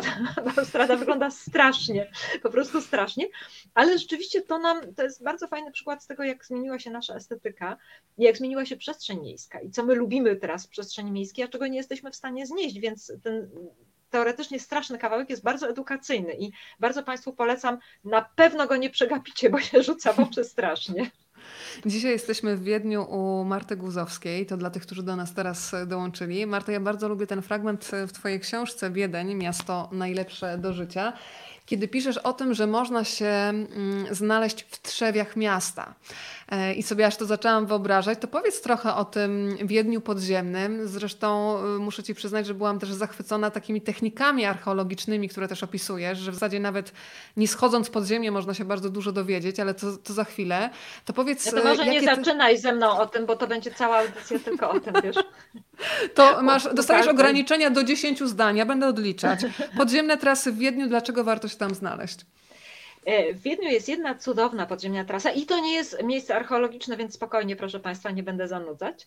E, mianowicie jest to mm, tak zwana trasa trzeciego człowieka. Już wyjaśniam o co chodzi. Chodzi o to, że mm, bardzo słynny i kultowy film z lat 40., Trzeci Człowiek, który jest filmem e, amerykańskim, dzieje się w większości w Wiedniu. I ten film jest na tyle słynny, że do dziś właśnie to y, kino Burg, y, które, które pokazywałyśmy na zdjęciu, puszcza tego trzeciego człowieka dwa razy w tygodniu, w środę i w sobotę są seanse, oczywiście w wersji oryginalnej. E, jest to wspaniały film, bardzo, bardzo dobry, bardzo ciekawy, w roli głównej Orson Welles, także naprawdę jest co oglądać. Ale kultowa, słynna, najsłynniejsza scena tego filmu, nie będę opowiadać co się dzieje, bo może Państwo jednak nie znają, dzieje się w kanałach wiedeńskich.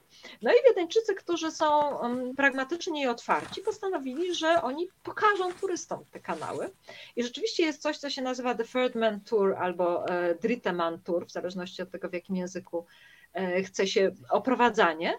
Czyli wyprawa czy, wyprawa czy wycieczka trzeciego człowieka i można z przewodnikiem oczywiście zejść do kanałów wiedeńskich, do prawdziwych, mhm. funkcjonujących, istniejących kanałów. Można się przejść w miejscu, gdzie kręcono trzeciego człowieka, ale też o wiele dalej. Nie należy się oddalać, bo w kanałach można się bardzo nieprzyjemnie zgubić, a też ostrzegał nasz przewodnik, myślę, że on każdemu na, musi napędzić stracha, że w kanałach podczas ulewnych deszczów potrafi błyskawicznie wzrosnąć poziom wody i nikt się wtedy nie wydostanie, bo pokrywy te zamykające kanały ważą po 30 mhm. kg, więc nie ma mowy, żeby taką pokrywę od dołu e, podnieść. E, ale myślę, że oni to robią specjalnie, żeby się wycieczka nie rozlazła. Natomiast rzeczywiście jest to niesamowita wycieczka, bardzo Państwa zachęcam, ale ostrzegam, że trzeba sobie zarezerwować miejsca na stronie internetowej, bo się cieszy bardzo wielką popularnością. Więc jeżeli ktoś się wybiera do Wiednia, warto dużo wcześniej e, postarać się o termin. Marta, w tym rozdziale o Wiedniu Podziemnym bardzo mnie wciągnęła historia dotycząca no, sensacji w świecie naukowym. Bardzo rzadkim, piszesz o bardzo rzadkim, wyjątkowym znalezisku, czyli o szkole gladiatorów. E, powiedz też trochę o tym, ale najbardziej, słuchaj, to mnie w ogóle zaskoczyło, nie miałam pojęcia, że tak to wygląda, że można się dowiedzieć o tym, co jest pod ziemią. Piszesz o dźwiganiu na ramionach radaru, który penetrował grunt.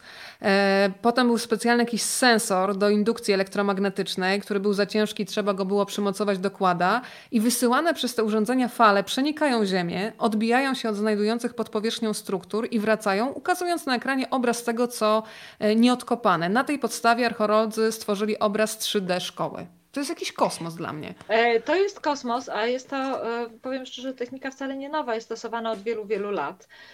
I badania w ten sposób prowadzi się w coraz, większy, coraz większej ilości miejsc, ponieważ, tak jak powiedziałaś, można w ten sposób zobaczyć, co jest pod ziemią bez kopania, czyli taniej, szybciej, a także, co być może jest najważniejsze z tego wszystkiego, bez niszczenia tego wszystkiego, bo wydobycie na powierzchnię Ziemi i kontakt z powietrzem, z powietrzem zawsze zabytek niszczy.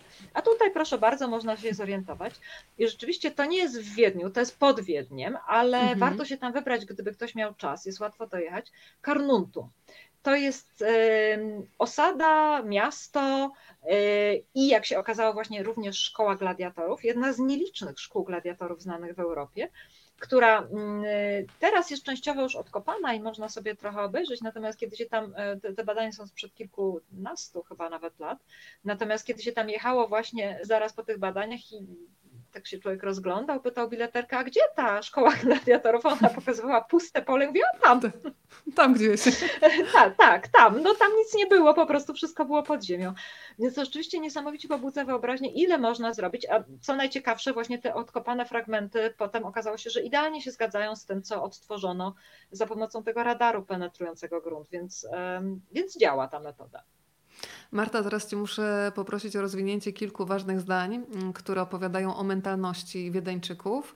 E, zresztą nawiążę do tej Twojej rozmowy z Radkiem Knapem, który mówi, że Mamy pewne cechy, my Polacy, z Austriakami podobne. To mnie zaskoczyło, że podobno w żadnym innym państwie nie rozmawia się tyle o chorobach, a najbardziej to my jesteśmy szczęśliwi, mówi Radek Knap, kiedy możemy płakać, ewentualnie rozmawiać o śmierci, więc zastanawiam się, czy ty też tak to odczuwasz, że Austry Austriacy lubią narzekać, porozmawiać sobie kto, kogo, gdzie, co strzyka?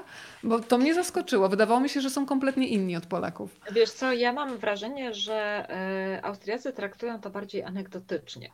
I e, ja na przykład odnoszę takie wrażenie, że Austriacy w ogóle mają taką, to jest cudowne dla mnie jako dla pisarki kryminałów szczególnie, taką ciemną, mroczną wiedeńską duszę. E, której pozornie nie widać, kiedy się tu przyjeżdża na weekend, no to w ogóle nie sposób tego poczuć, to trzeba trochę z tymi ludźmi pobyć, trochę z nimi porozmawiać, ale na przykład nie jest nic dziwnego, kiedy przychodzi sąsiadka i mówi ci, oj, ta pani z Podszuski, słyszała pani, co jej się wydarzyło? No piecyk jej wybuchł, no biedaczka, no nie doczekała szóstych urodzin wnuka. Po prostu w taki sposób właśnie, więc tak. nie bardzo wiadomo, czy masz powiedzieć w tym momencie ha, ha, ha, czy masz powiedzieć ojej, no tak mi przykro. E, więc jak mówię, Wiedeńczycy podchodzą do tego troszkę bardziej anegdotycznie. Nie tak, że ponarzekajmy, tylko tak, o jakie to ciekawe, no piecyk jej wybuch, naprawdę, a urwało jej głowę czy rękę? No, ale a propos takiego, wiesz, takiego już yy, właśnie poczucia humoru, to mm, lubię ten fragment, kiedy rozmawiasz z Radkiem Knapem yy, i tam jest moment dotyczący uprzejmości Wiedeńczyków i fragment bodajże z jego książki, kiedy to wyprasza się z eleganckiego, super takiego nowoczesnego, luksusowego hotelu osoby bezdomne, cały czas no, wyprowadzając, ale cały czas się kłaniając, prawda? E, tak, no tak twierdzi Radek. Ja tego nigdy nie widziałam, ale jak mówię, on mieszka tam 40 lat, a ja zaledwie 12, więc on widział o wiele więcej. Ale rzeczywiście Wiedeńczycy są. Um, no to jest, to jest dziwne, bo z jednej strony można odnieść wrażenie, że są trochę mrukliwi i nieuprzejmi, na przykład kelnerzy są strasznie nieuprzejmi, ale ja w ogóle mam wrażenie, że to jest taka ich funkcja, że to jest tak, oni mają być nieuprzejmi, to jest tak jakby wpisane w warunki zawodów wykonywane. Żeby się nie zasiedzieć w tej kawiarni, bo stolik musi być zwolniony na kolejną nie, osobę. To taki styl, wiesz, że to chodzi o pewien sznyt i ten sznyt właśnie zakłada, że się burczy do klienta i to jeszcze w dialekcie tak, żeby ten klient nic kompletnie nie zrozumiał, co się do niego mówi. Natomiast Wiedeńczycy w ogóle są bardzo uprzejmi i bardzo uczynni i tacy życzliwi w takim codziennym życiu. I ja pamiętam świetnie te dość trudne technicznie czasy, kiedy e, włóczyłam się po Wiedniu z wózkiem, najpierw z jednym, potem z drugim i e, a był taki moment też, że, że z wózkiem i dzieckiem uczepionym wózka i nie było takiej możliwości, żebym musiała pokonać jakiekolwiek schody, nawet trzystopniowe, żeby ktoś mi tego wózka nie próbował wyrwać i znieść, bo przecież to jest niemożliwe, żeby kobieta sama znosiła wózek. To jest niesamowite zupełnie w Wiedniu, że oni rzeczywiście ustępują miejsca, że oni rzeczywiście, na przykład kiedy się wsiada z wózkiem do tramwaju i ma się pecha i trafi się na stary tramwaj, bo nowe są niskopodłogowe i w ogóle nie ma tematu, natomiast stare mają trzy schodki, to jeżeli akurat nie ma pod ręką żadnego pasażera, to wysiada motorniczy, bo to jest jego obowiązek, żeby ci wnieść ten wózek.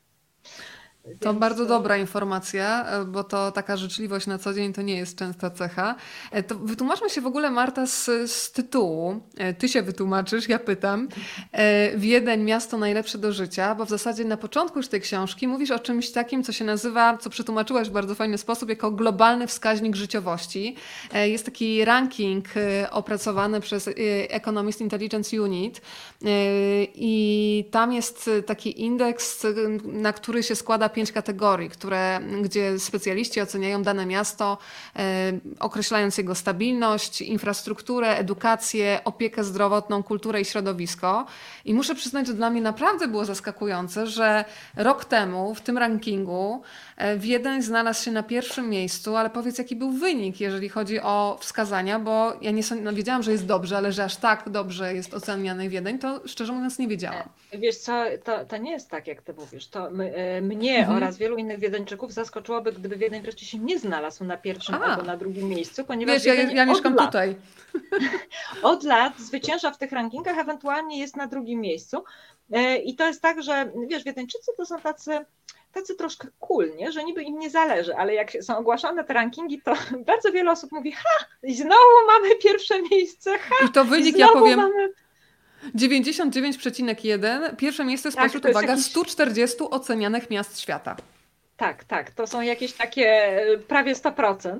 Natomiast rzeczywiście bardzo ciekawe są te wskaźniki, ponieważ tam są e, takie oczywiste rzeczy, jak na przykład e, dobra woda, dobre powietrze, jakość transportu publicznego, jakość służby zdrowia, czyli takie wydawałoby się oczywiste, ale na przykład jest też tolerancja religijna, jest też właśnie szkolnictwo, jest przepustowość dróg. Więc tam są najróżniejsze, naprawdę najróżniejsze wskaźniki, no i to się ma jakoś tam złożyć, prawda, w 100%. Więc Wiedeń bardzo wysoko w tym celuje i ja to naprawdę rozumiem i dłużej to mieszkam, tym lepiej rozumiem, a muszę powiedzieć, że ja mam szczęście na przykład mieszkać w tej części miasta, której myję włosy i spuszczam w toalecie wodę źródlaną ponieważ jest ona tak doprowadzana akweduktem z Podwiednia, z, z Schneebergu, to jest taka góra niedaleko Wiednia. E, I rzeczywiście to jest zupełnie niesamowite. No, mycie włosów w wodzie źródlanej to jest, to jest coś niebywałego, już nie mówiąc o piciu tej wody, która jest po prostu smaczna. I ona leci z kranu.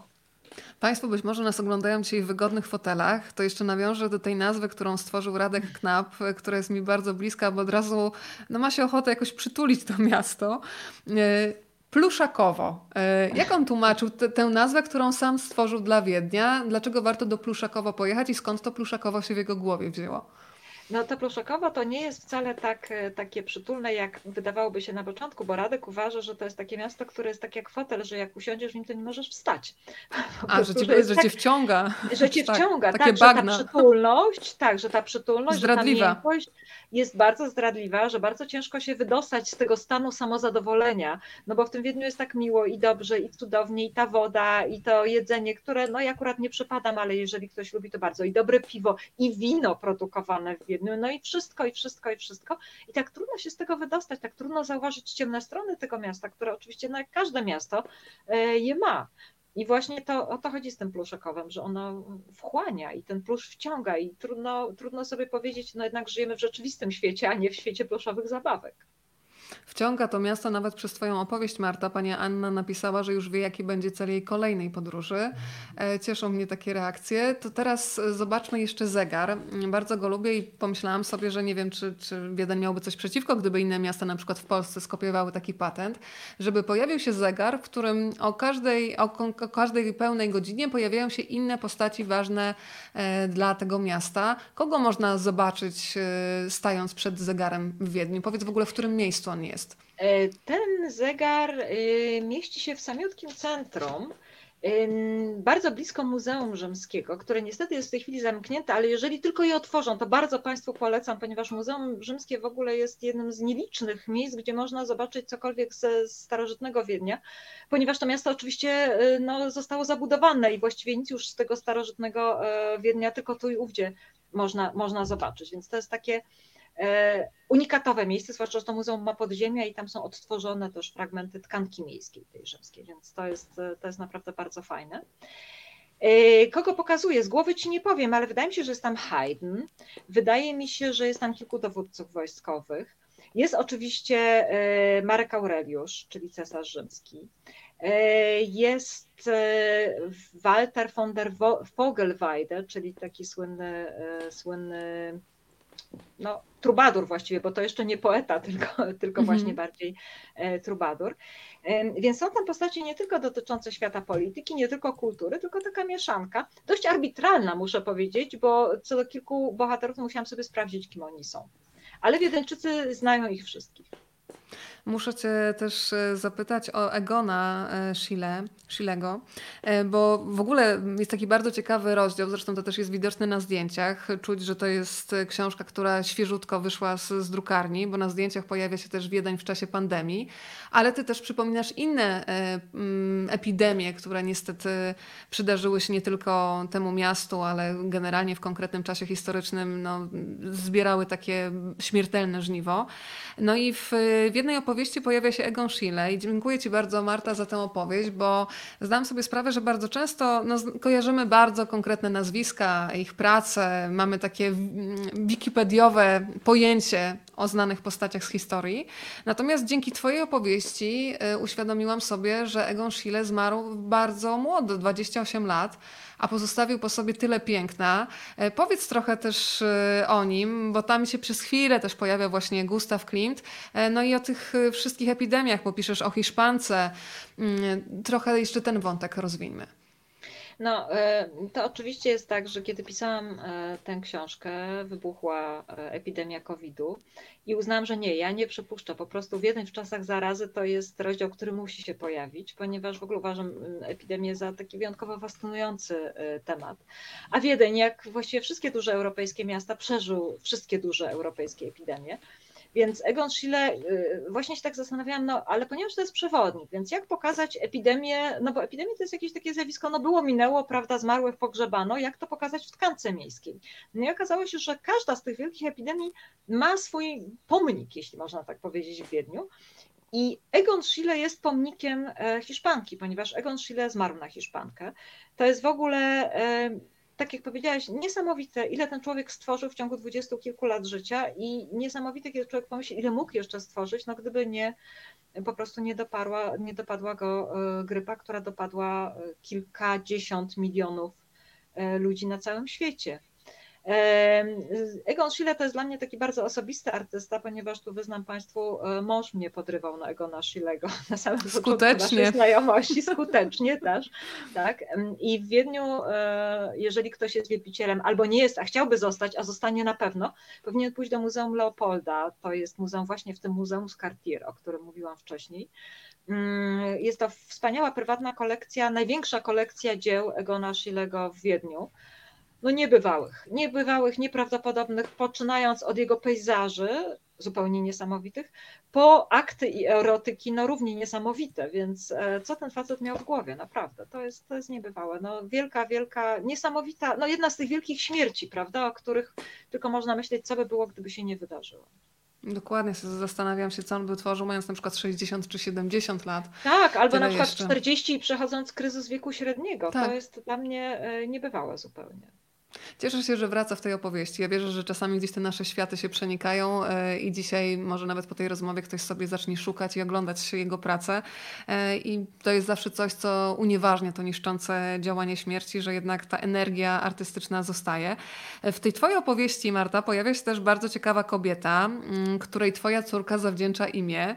E, no to Alma, jaka Alma zaraz nam powiesz, niech się pojawi. Kocham te informacje i te opowieści, szczególnie z kokoszką i pewną lalką. To ja Ci tylko poproszę, żebyś tutaj rozbudziła wyobraźnię, tak żeby Państwo sobie zajrzeli do środka, ale podsyć apetyt na, na tę opowieść.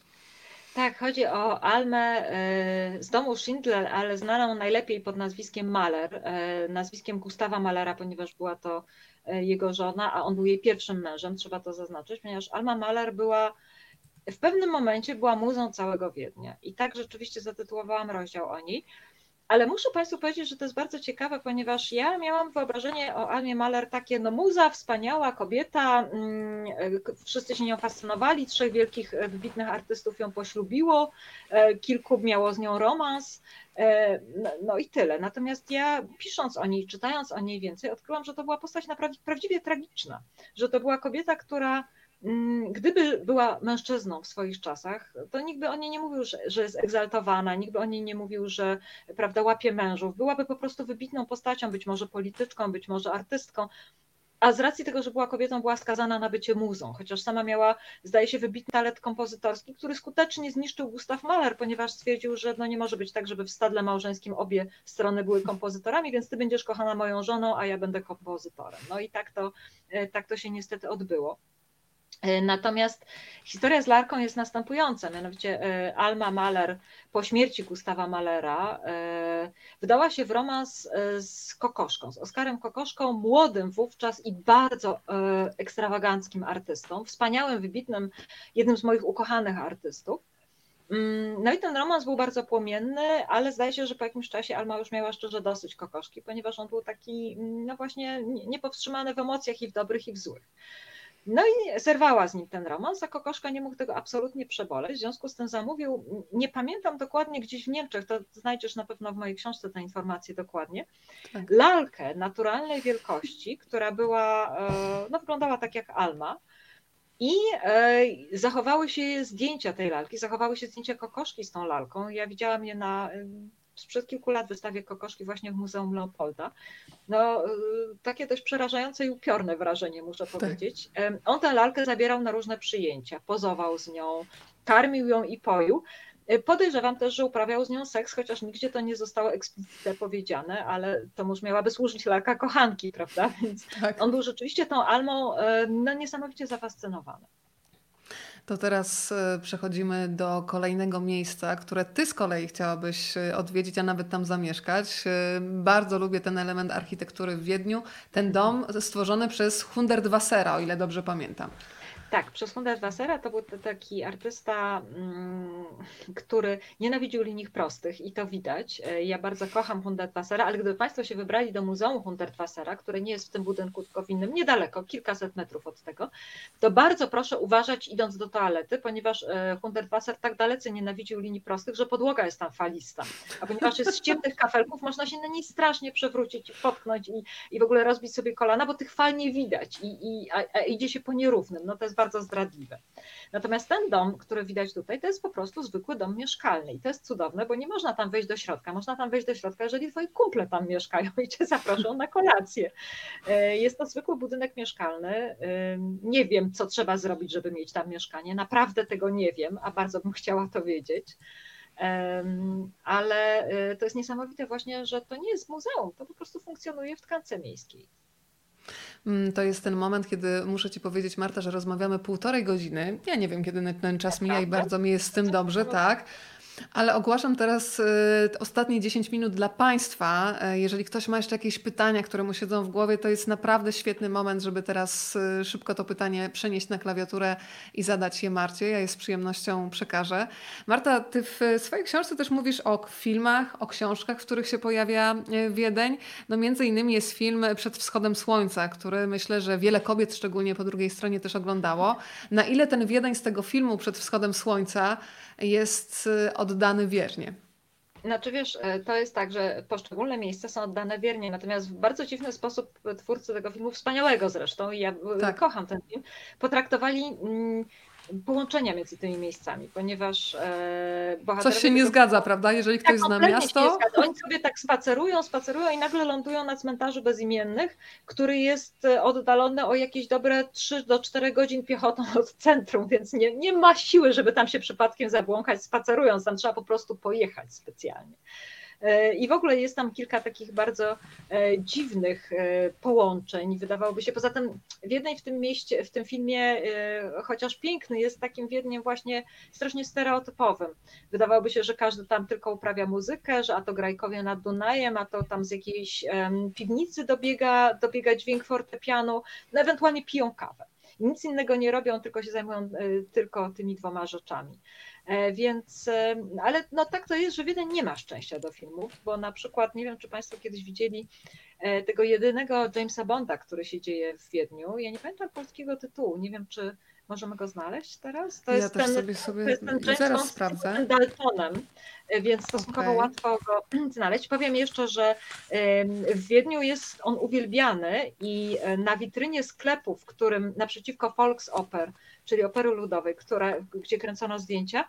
Do dziś jest wystawka zdjęć Timotego Daltona. To jest bardzo urocze właśnie, że tam obok słodycze są też zdjęcia e, Timotego Daltona. W każdym razie e, tam również ten Wiedeń jest taki strasznie stereotypowy. Jest oczywiście diabelski młyn na praterze, są dorożki. To jest tak, że James Bond gwizdże na taksówkę, a podjeżdża dorożka na przykład. To jest właśnie, po czym jadą i nie wiedzieć zupełnie czemu przez Park Schönbrunn, który naprawdę się znajduje daleko od centrum i nie da się tak pojechać dorożką po prostu. No można oczywiście, ale to by trochę trwało. 007 w obliczu śmierci. Znalazłam. W obliczu śmierci, tak, to jest, e, to jest Znalazłaś takie krematywne tłumaczenie e, tytułu angielskiego. Tak, Living Daylights. Living Daylights, no ale Polska słynie z kreatywnych tytułów filmów, więc jest obliczu śmierci. Tak. Dlatego sobie nie mogłam przypomnieć za nic w świecie, jak to się nazywa. Słuchaj, to jeszcze Ale tym niemniej ogląda się to fajnie, kiedy się zna miasto, bo oczywiście można się pośmiać. My z mężem uwielbiamy oglądać e, właśnie, bo popatrz, jakim cudem oni się tutaj znaleźli nagle. Zachęcałam Państwa do zadawania pytań, więc oddaję Państwu głos. Jasia pyta, nie wiem Marta, czy będziesz umiała odpowiedzieć, to zależy od tego, czy jesteś fanką jazzu, o kluby jazzowe w Wiedniu, czy są takie klimatyczne miejsca e, godne polecenia? No niestety nie, nie, nie znam żadnych. Bardzo mi przykro. E, poproszę o następne pytanie.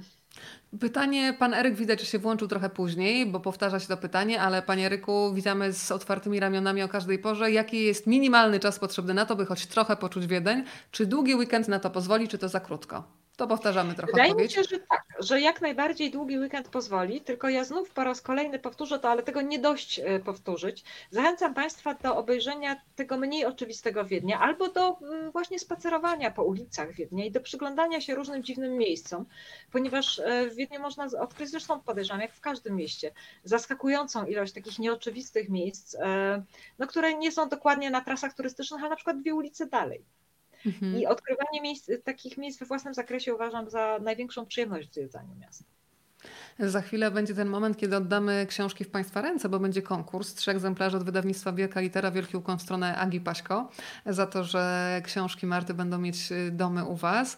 E, ale jeszcze muszę zapytać o jedną rzecz, Marta, y, ponieważ w książce raz czy dwa zwracasz się do antyszczepionkowców, mówiąc im o też bardzo ciekawym przybytku w Wiedniu.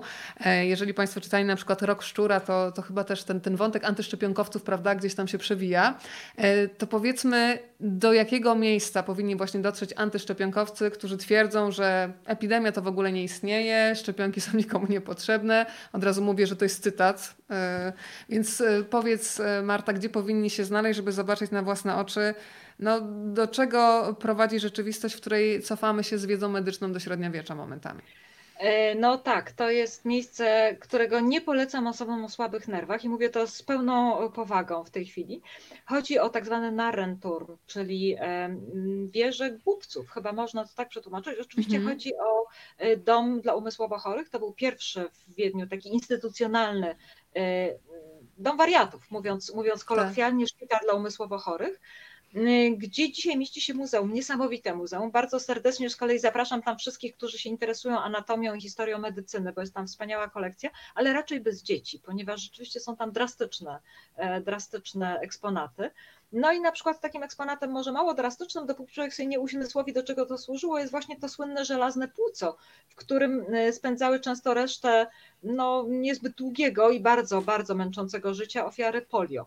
E, czyli choroby, która została praktycznie zwalczona dzięki szczepionkom. E, dziękuję za tę odpowiedź i pytanie od Pani Marty. Która dzielnica jest familienfreundlich, e, czyli taka no, przyjacielska, dobra dla rodziny, to, takie miejsce, w którym faktycznie właśnie rodzice z dziećmi, z wózkiem będą się czuć mile widziani?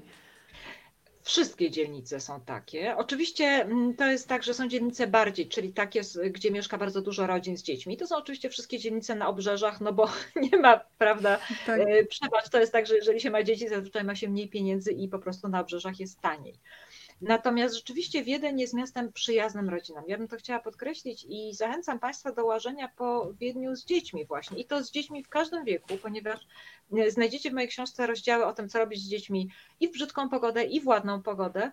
E, a Wiedeń jest miastem, jak już powiedziałam, przyjaznym dzieciom. Tam jest dużo miejsc dla dzieci, tam jest, nikt nie patrzy krzywo na dzieci, tam zawsze w restauracji znajdzie się jakaś dobra dusza, która zaserwuje pół porcji i, i generalnie jest to, e, jest to miejsce, w którym przyjemnie się chodzi z dziećmi, chociażby po ulicach, chociażby e, w upalny dzień, kiedy dzieci mogą wejść do miejskiej fontanny. Ja wiem, że niektórzy uważają, że to jest niehigieniczne, ale kiedy jest 40 stopni, to nagle się robi bardzo przyjemnie. E, słuchaj, muszę Cię jeszcze zapytać o jedną rzecz, bo lubię ten fragment książki, e, kiedy mówisz o dzieciach, e, że jest takie muzeum, do którego w zasadzie nawet gdybyśmy chciały jako dorosłe same tam na przykład pójść, to by nas nie wpuszczono, bo trzeba się tam pojawić z tak, dzieckiem. To muzeum, czyli muzeum dla dzieci. I tutaj proszę bardzo, jak Marta zachęta, mnie to zachęciło. Kiedy piszę te słowa, trwa akurat wystawa o ludzkim ciele. Można na niej wyciągnąć manekinowi wszystkie wnętrzności oraz włożyć je z powrotem, co okazuje się zaskakująco trudne, zobaczyć jak mózg reaguje na nastroje, a także przejść dosłownie przez cały układ pokarmowy, poczynając od skakania po języku, a kończąc na przeciskaniu się przez odbyt. I myślę, że wszyscy, którzy byli fanami Było sobie życie, poczują, że mogą zostać na chwilę bohaterami tej opowieści. W ogóle ten cały rozdział poświęcony dzieciom powoduje, że takie małe dziecko w dorosłym się budzi. Dużo jest budzi takich się, instytucji. Budzi się bardzo się budzi, tak. A dużo jest takich instytucji, Marta. Ja pamiętam, jak Kasia Tubylewicz kiedyś mi opowiadała też o takich bibliotekach na przykład w Szwecji, gdzie nie mogą przekroczyć linii dorośli, że one są tylko sfokusowane na dzieciach. To dużo jest takich instytucji, gdzie faktycznie jak chcesz pójść, to musisz nawet wypożyczyć dzieciaka, jeżeli sam nie masz, żeby zobaczyć, jak, jak te miejsca wyglądają. Nie, no nie jest dużo, natomiast mhm. właśnie to Muzeum dla Dzieci, y, ja kocham to miejsce i bardzo je Państwu serdecznie polecam, z tym, że znów z zastrzeżeniem rezerwujcie bilety przez internet, bo y, wkroczenie takie z, z ulicy zakrawa na cud i dostanie miejsca e, tam. To jest rzeczywiście muzeum, gdzie są i warsztaty dla dzieci cudowne, na których powiem szczerze, bawiłam się równie dobrze jak moje dzieci, a może nawet troszkę lepiej. E, po właśnie takie wystawy, które są e, co roku i zawsze to są jakieś bardzo fajne wystawy edukacyjne, ale one jednocześnie, ta edukacja jest podana w taki sposób, że chcesz się tam bawić, bawić i bawić. I e, my chodzimy na takie wystawy po kilka razy, ponieważ nigdy nie jesteśmy w stanie za jednym zamachem nabawić się dostatecznie dużo. To nie chodzi o to, że obejrzeć. Obejrzeć zdołamy tak. wszystko, ale po prostu prostu nacieszyć się tym, nabawić właśnie. Powiedz Więc mi, na... tak jak powiedziałaś, no odzywa się to dziecko w dorosłym i, i, ten dorosły bardzo chce to wszystko robić, co dzieci robią. Czasem musi im zabrać te zabawki też. To powiedz mi na finał, Marta, za czym tęsknisz, będąc w Wiedniu? E, myślę o Warszawie wtedy, a kiedy już jesteś w Wiedniu, w swoim domu, czego ci brakuje z tego warszawskiego naszego podwórka? No, to jest bardzo trudne pytanie, bo to jest e, za każdym razem trochę inaczej, oczywiście.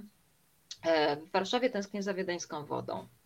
To jest jedna rzecz. A druga rzecz, tęsknię za wiedeńskim spokojem, ponieważ e, w Wiedniu rzeczywiście jest taki, jest większe wyluzowanie, jest większa, większa taki, mieszkańcy są bardziej zrelaksowani, wszyscy są bardziej zrelaksowani, ogólnie rzecz biorąc. I to jest na początku nieuchwytne, ale po jakimś czasie zaczyna się to czuć i człowiek jakby sam się też trochę relaksuje. Ale to jest, widzisz, e, miecz e, o obu ostrzach, ponieważ, e, o podwójnym ostrzu, ponieważ w Wiedniu tęsknię za warszawskim nerwem i za takim pośpiechem i za tym, że, że właśnie coś się dzieje szybko i gwałtownie i Tęsknię, e, ja na przykład kocham to, że Warszawa się tak szybko zmienia i że za każdym razem, kiedy przyjeżdżam, jest coś nowego, coś innego. E, no w Wiedniu, Wiedniu oczywiście też się zmienia, ale nie aż tak szybko. Jest powolniejszy, spokojniejszy, więc e, widzisz, dla mnie idealne jest właśnie to poruszanie się między Wiedniem a Warszawą, bo kiedy pragnę niepokoju, jadę do Warszawy, kiedy muszę odetchnąć, wracam do Wiednia, no i wszystko jest dobrze. No i to jest ten moment, kiedy już czas najwyższy oddać w Państwa ręce Wiedeń, miasto najlepsze do życia, Marty Guzowskiej. Marta, pomyślałam, że zapytam Cię o trzy ulubione cyfry lub liczby. Z, operujemy w takim przedziale od 1 do 20. E, I zróbmy tak, że te maile, które Ty wybierzesz, mówię o tym wskazaniu Twoim, zostaną nagrodzone książką, więc ja sobie zapisuję, żeby tego nie przegapić. Trzy cyfry, liczby, bardzo proszę. No jedziemy. 3, 9 i 13. 3, 9 i 13, a ja teraz Państwu podaję adres, żeby był zapisany, żeby nie zginął.